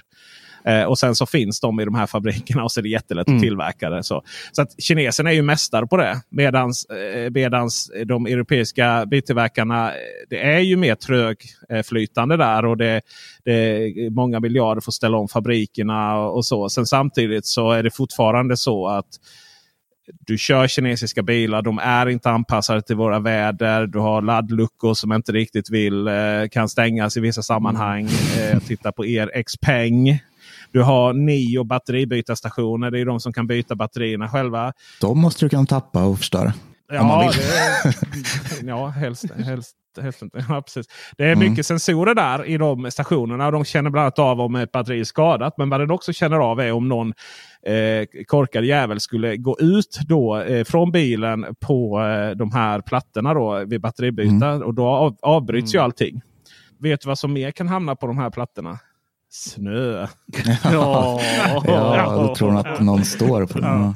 Så, så det är mycket sånt. Va? Och du har, eh, du har eh, de här ADA-systemen, alltså körassistenserna som överhuvudtaget inte förstår svenskt väder. Eh, du har, eller svenska landsvägar. Liksom. Du har så här, om den inte varnar att du är för nära höger så kommer den varna att du är för nära vänster. Det finns mm. liksom ingenting. Eh, och sådär. Så ofta när de här bilarna lanseras så är det verkligen ja, nej, men nu har vi tagit den här och det finns god potential. Men du kan ju liksom inte använda den i vardagen. Liksom. Den kommer ju köra ihjäl dig själv. Mm. Liksom. Den, den liksom, eh, studsar mellan linjerna som den vore rattfull. Då. Men sen så kommer de och så lyssnar de. De är extremt lyhörda på det där och, och jättesnabba på att ställa om mjukvaran och, och, och anpassa och sådär. Va? Och, bra grejer. Eh, så att de är farliga. Men man ska också förstå att de kinesiska biltillverkarna har ungefär samma kostnader att eh, producera bilar som övriga. Och det gör också att bilarna blir inte särskilt billiga när de kommer hit. Nej. Vad man än har för billiga, billiga kostnader och man tycker att nu ska Xiaomi göra en billig bil här. Mm. Eh, så i slutändan så när man läser de specifikationerna. Det är så stora batterier, det är så hög motoreffekt och de ska vara så lyxiga. så att det är inga billiga bilar. Och i samma ögonblick när saker inte är så himla billigt. Ja, men alltså BMW gör väldigt mycket fina dyra elbilar eller höga kostnader och du får vad du betalar för. Och, och Audi äh, har eh, kanske världens absolut skönaste bil att köra. Audi Q8. Volvo gör väldigt fina bilar. Volvo är jättebilliga. Volvo C40 och XC40 med sådana här eh, eh, deras specifika paket. Du får inte säga billiga. Alltså. Då har ni ju lärt er teknikbollen. Nej, precis. El, elbilsveckan. Ja, Mindre dyra. Eh, mindre, nej, men relativt prisvärda då. Eh, sådär. Och, och, även, eh, och så har du Volkswagen nu som har, har lyckats efter mycket eh, debacle om deras mjukvara och hur bilarna ser ut. Har de lyckats finslipa dem nu och nya mjukvaran här är, är riktigt trevlig. Alltså det är inom bilvärlden så är det spännande just nu. Otroligt spännande tider. Men, för, men det är ju som sagt då en annan podd, Elbilsveckan. Men just att följa när konsumentteknikbolagen som Xiaomi och Huawei och vidare. Och Sony har ju också någon bil och Apple har gjort på med någonting. Det där är ju otroligt spännande mm. framöver. Och som du säger eh, Marcus, där som du är lite inne på. Liksom, den här legotillverkningen. Den här att liksom kunna bara få ut, eh, få ut eh, komponenter, standardkomponenter från någon random fabrik någonstans. det där är de mästare på. Mm. De är riktigt mästare på det. Och det mina vänner ska bli spännande att se vad 2024 eh, har att förtälja för oss. Men det är ju jäkligt spännande när de sätter igång faktiskt. För, för eh, de kommer ju kunna utveckla liksom, nya tekniker. Det kommer ju utvecklas liksom, på grund av att de här kineserna hoppar på och gör lite udda grejer. Och det kan de snappa upp och ja, men fortsätta utvecklingen. Liksom. Ja, det är, alltså de har ju, tyskarna är ju, de är snabba på att göra så kallade joint ventures med kineserna. Mm. Förut var det för att de behövde, behövde det för att kunna sälja bilar i Kina. Eh, nu är det för att de behöver tekniken för att kunna sälja bilar i Europa framöver. Ja. Så att, eh, oerhört spännande. Eh, och med det så tror jag att vi ja, en, en, en, liten instickare till där som jag vill fråga elbilsproffset ja. här. Eh, 2024 räckviddsmässigt, kommer det, kommer det ske några, några underverk under eh, året? Det behövs inte vi... Nej, det tror jag inte. Det tror jag inte. Utan snarare tvärtom. Att elbilarna kommer att få mindre batterier och därmed blir betydligt billigare. Och därmed så kommer de få lägre räckvidd istället. Mm. Eh, för att eh, de här, de här långa räckvidderna på de här miljonbilarna som har både stora batteri och är ganska strömlinjeformade. Mercedes EQS för 1,8 miljoner. Jag tittar på er. Mm. Det finns lite billigare varianter också, men det var den jag billigare. hade. Eh, ja, men billigare varianter av EQS ja. finns det ju. Mindre dyra. Än den dyra. Ja. Eh, och sen så eh, mycket sådär att, att du, du stoppar i stora batterier och då går bilarna längre. Men då är vi uppe i de här miljonklasserna. Mm. Men det kommer ju bilar som kanske aldrig någonsin lämnar stan då. Och med betydligt lägre batterier du laddar varje natt. Eh, och eh, klassiskt sådana hemtjänstbilar. Ni förstår ja, vad va? vet exakt. Ja. Toyota, Toyota Aygo typ på de här. ja, men exakt. Ja, visst. Eh, och så. Men, men i och med att elbilar generellt sett har, är lite modernare nya teknik och så vidare så, så behöver du liksom inte sitta där och frysa på morgonen ändå. Utan den är inkopplad och den är uppvärmd och så. Mm. Eh, och, och, där tror jag att vi kommer få se mycket. Så att eh, bilarna kommer få, eh, vi kommer inte få så mycket mer räckvidd. Eh, faktiskt. Och vi ska nog inte ha det heller. För bilar, de flesta bilar då går ju längre än vad du behöver pausa. Mm. Och det som har varit problematiskt med elbilar under året har inte varit så mycket att, att de inte laddar snabbt i normalfall. Men sen så fort det blir kallt då så har de ju laddat mycket långsamt. Och det är bland annat ett Volkswagen-problem. Det är att man inte haft förvärmning av de bilarna. Men från och med 2024 så kommer det då. Att eh, man som elbilsägare har man ju lite att lära sig då. att, att att eh, det här med att ja, du måste förvärma batteriet innan du ska snabbladda ute på, längs motorvägen om du kör. Och det är många också som tror att batterier blir varma av att man är ute och kör bara. Och så är det inte. För att du drar inte så hög effekt ifrån batterierna när du bara är ute och kör i 110. Så. Eh, däremot om du kör som en biltjuv så att säga. Så att de, det, det, finns två sätt att värma upp batterier. Mm. Det ena, det ena gasa på. är eh, att värma upp, precis, gasa på som ett as och bromsa mm. också, alltså upp och ner. Då. Eller att eh, bilarna har funktioner för det här. Men nej, eh, det finns nog ingen framtid där vi kan köra elbilar så långt som vi kan med bensin och dieselbilar. Och vi ska nog inte ha det heller. Eh, för då blir det stora tunga batterier. Mm. Det finns så många laddare idag också så de behöver inte gå så långt. Och liksom, det gör, det gör nästan det. alla kör ju mest kring sitt hem, liksom, jobb och sådär. Sen åker man ja, långt ja. två gånger per år. Liksom. Mm. Där är väl, eh, om det är någonting vi kommer få se mer av 2024 så är det väl laddare i parkeringshus och sådana saker. Eh, men eh, just laddare längs motorvägar, sånär som om vi inte pratar om inre Norrland och vissa delar och även ska sägas vissa vägar genom upp till sportlovsfirande och sånt i år. och sådär. Så att där, är lite, där är det kanske inte så tomt i sig. Men det är för få laddare för sportlovsveckorna. Men det som vi kommer att se eh, under året 2024 det är liksom de här att det börjar sättas upp snabbladdarstationer i i de här orterna som ligger mellan motorvägar. Eh, som inte är anslutna till motorvägarna. Eh, alltså många sådana här orter i, i Småland och, eh, och mellersta Skåne och, och motsvarande egentligen alla län. Då. Det kommer vi få se mycket på 2024. Mm. Eh, sådär. Så att de här vita fläckarna kommer nog eh, täppas till rätt rejält. Då. Och då pratar vi alltså södra Sverige här. Det gör vi, gör vi alltid mm. i de här sammanhangen. Eh, sådär eh, faktiskt. Tyvärr. Det blir ett spännande år hur som. Mycket. Mm. Får se om vi får uh, lite mer uh, lägenhetsägare och bli elbilar också. Då. Ja, precis. Det kommer, uh, kommer de som inte har tillgång liksom... i garagen. Mm. Antingen garage eller att du liksom har snabbladdare i, i närområdet då istället. Mm. Eh, så. Sen eh, hoppas jag ju också på att det kommer komma mer kluster av lite långsammare laddare. För att det är ju det här, du hinner ju inte liksom gå och äta och sånt längre för det, de laddar så snabbt. det är ett problem att det laddar för fort. Ja. ja, men det har det ju. Det har blivit, alltså för det är också så här, folk lämnar de här bilarna som bara, men ah, du har ju stått där ett tag nu och det kommer komma mer så straffavgifter och sånt om man, om man, eh, om man står kvar för länge. Så att mer långsamma laddare är nog också någonting som är bra. Och framförallt laddare som delar effekt och sådär. Det kan ju om du är fullt på en Tesla laddplats exempelvis. Då kan det gå ner så lågt som 50 kilowatt. Då, eh, och då kan det jämföras med eh, max laddeffekt på en Tesla på 250 kilowatt Mm. på många. Då. Eh, så att, eh, men det delas den här effekten. Det kommer vi också få se mycket av. då. Att, att är det fullt så det är inte så att det blir köer men det går att ladda långsammare. Spännande. Ska vi avsluta med att konstatera vad, eh, vad är det med Teknikveckan 2024? Det är just Teknikveckan. Ja, det är det. Och det var väl egentligen eh, det enda. Vi, eh, vi kommer ju nu eh, från och med eh, första januari egentligen, andra kanske, eh, svida om på Facebook, Instagram, Youtube, podden, eh, sociala medier i övrigt där vi heter Bubblan.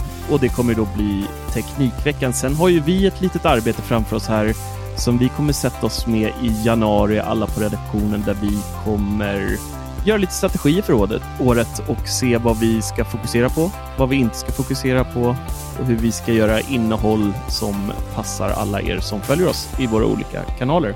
Mm. Så det känns eh, spännande och eh, hoppfullt tycker jag. Ja, men det tycker jag. Det tycker jag. Vi, vi har väl också en viss eh, analys av att det blir svårare och svårare för konkurrenterna vi har att driva verksamhet där. Mm. Eh, för att de har betydligt högre omkostnader eh, och större krav. Medan eh, vi eh, gör det här på fortfarande rätt mycket fritidsbasis. Då. Så vi hoppas väl att, det kommer, att vi kommer kunna sticka ut lite där bland mängden här. Mm. Vi får väl se hur, hur de klarar sig. Eh, annonsmarknaden är ju kaputt eh, ännu.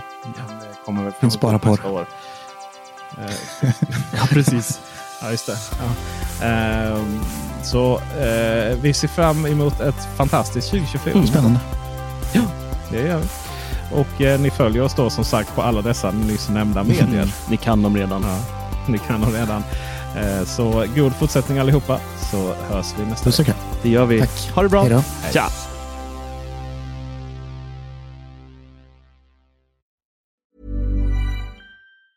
Planning for your next trip? Elevate your travel style with Quince. Quince has all the jet setting essentials you'll want for your next getaway, like European linen, premium luggage options, buttery soft Italian leather bags, and so much more. And it's all priced at 50 to 80% less than similar brands. Plus, Quince only works with factories that use safe and ethical manufacturing practices. Pack your bags with high-quality essentials you'll be wearing for vacations to come with Quince. Go to quince.com slash trip for free shipping and 365-day returns.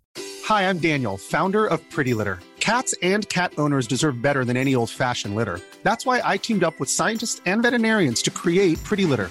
Its innovative crystal formula has superior odor control and weighs up to 80% less than clay litter. Pretty Litter even monitors health by changing colors to help detect early signs of potential illness. It's the world's smartest kitty litter.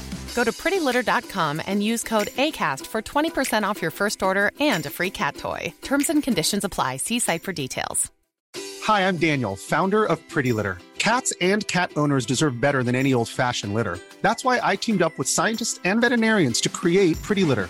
Its innovative crystal formula has superior odor control and weighs up to 80% less than clay litter. Pretty Litter even monitors health by changing colors to help detect early signs of potential illness. It's the world's smartest kitty litter. Go to prettylitter.com and use code ACAST for 20% off your first order and a free cat toy. Terms and conditions apply. See site for details.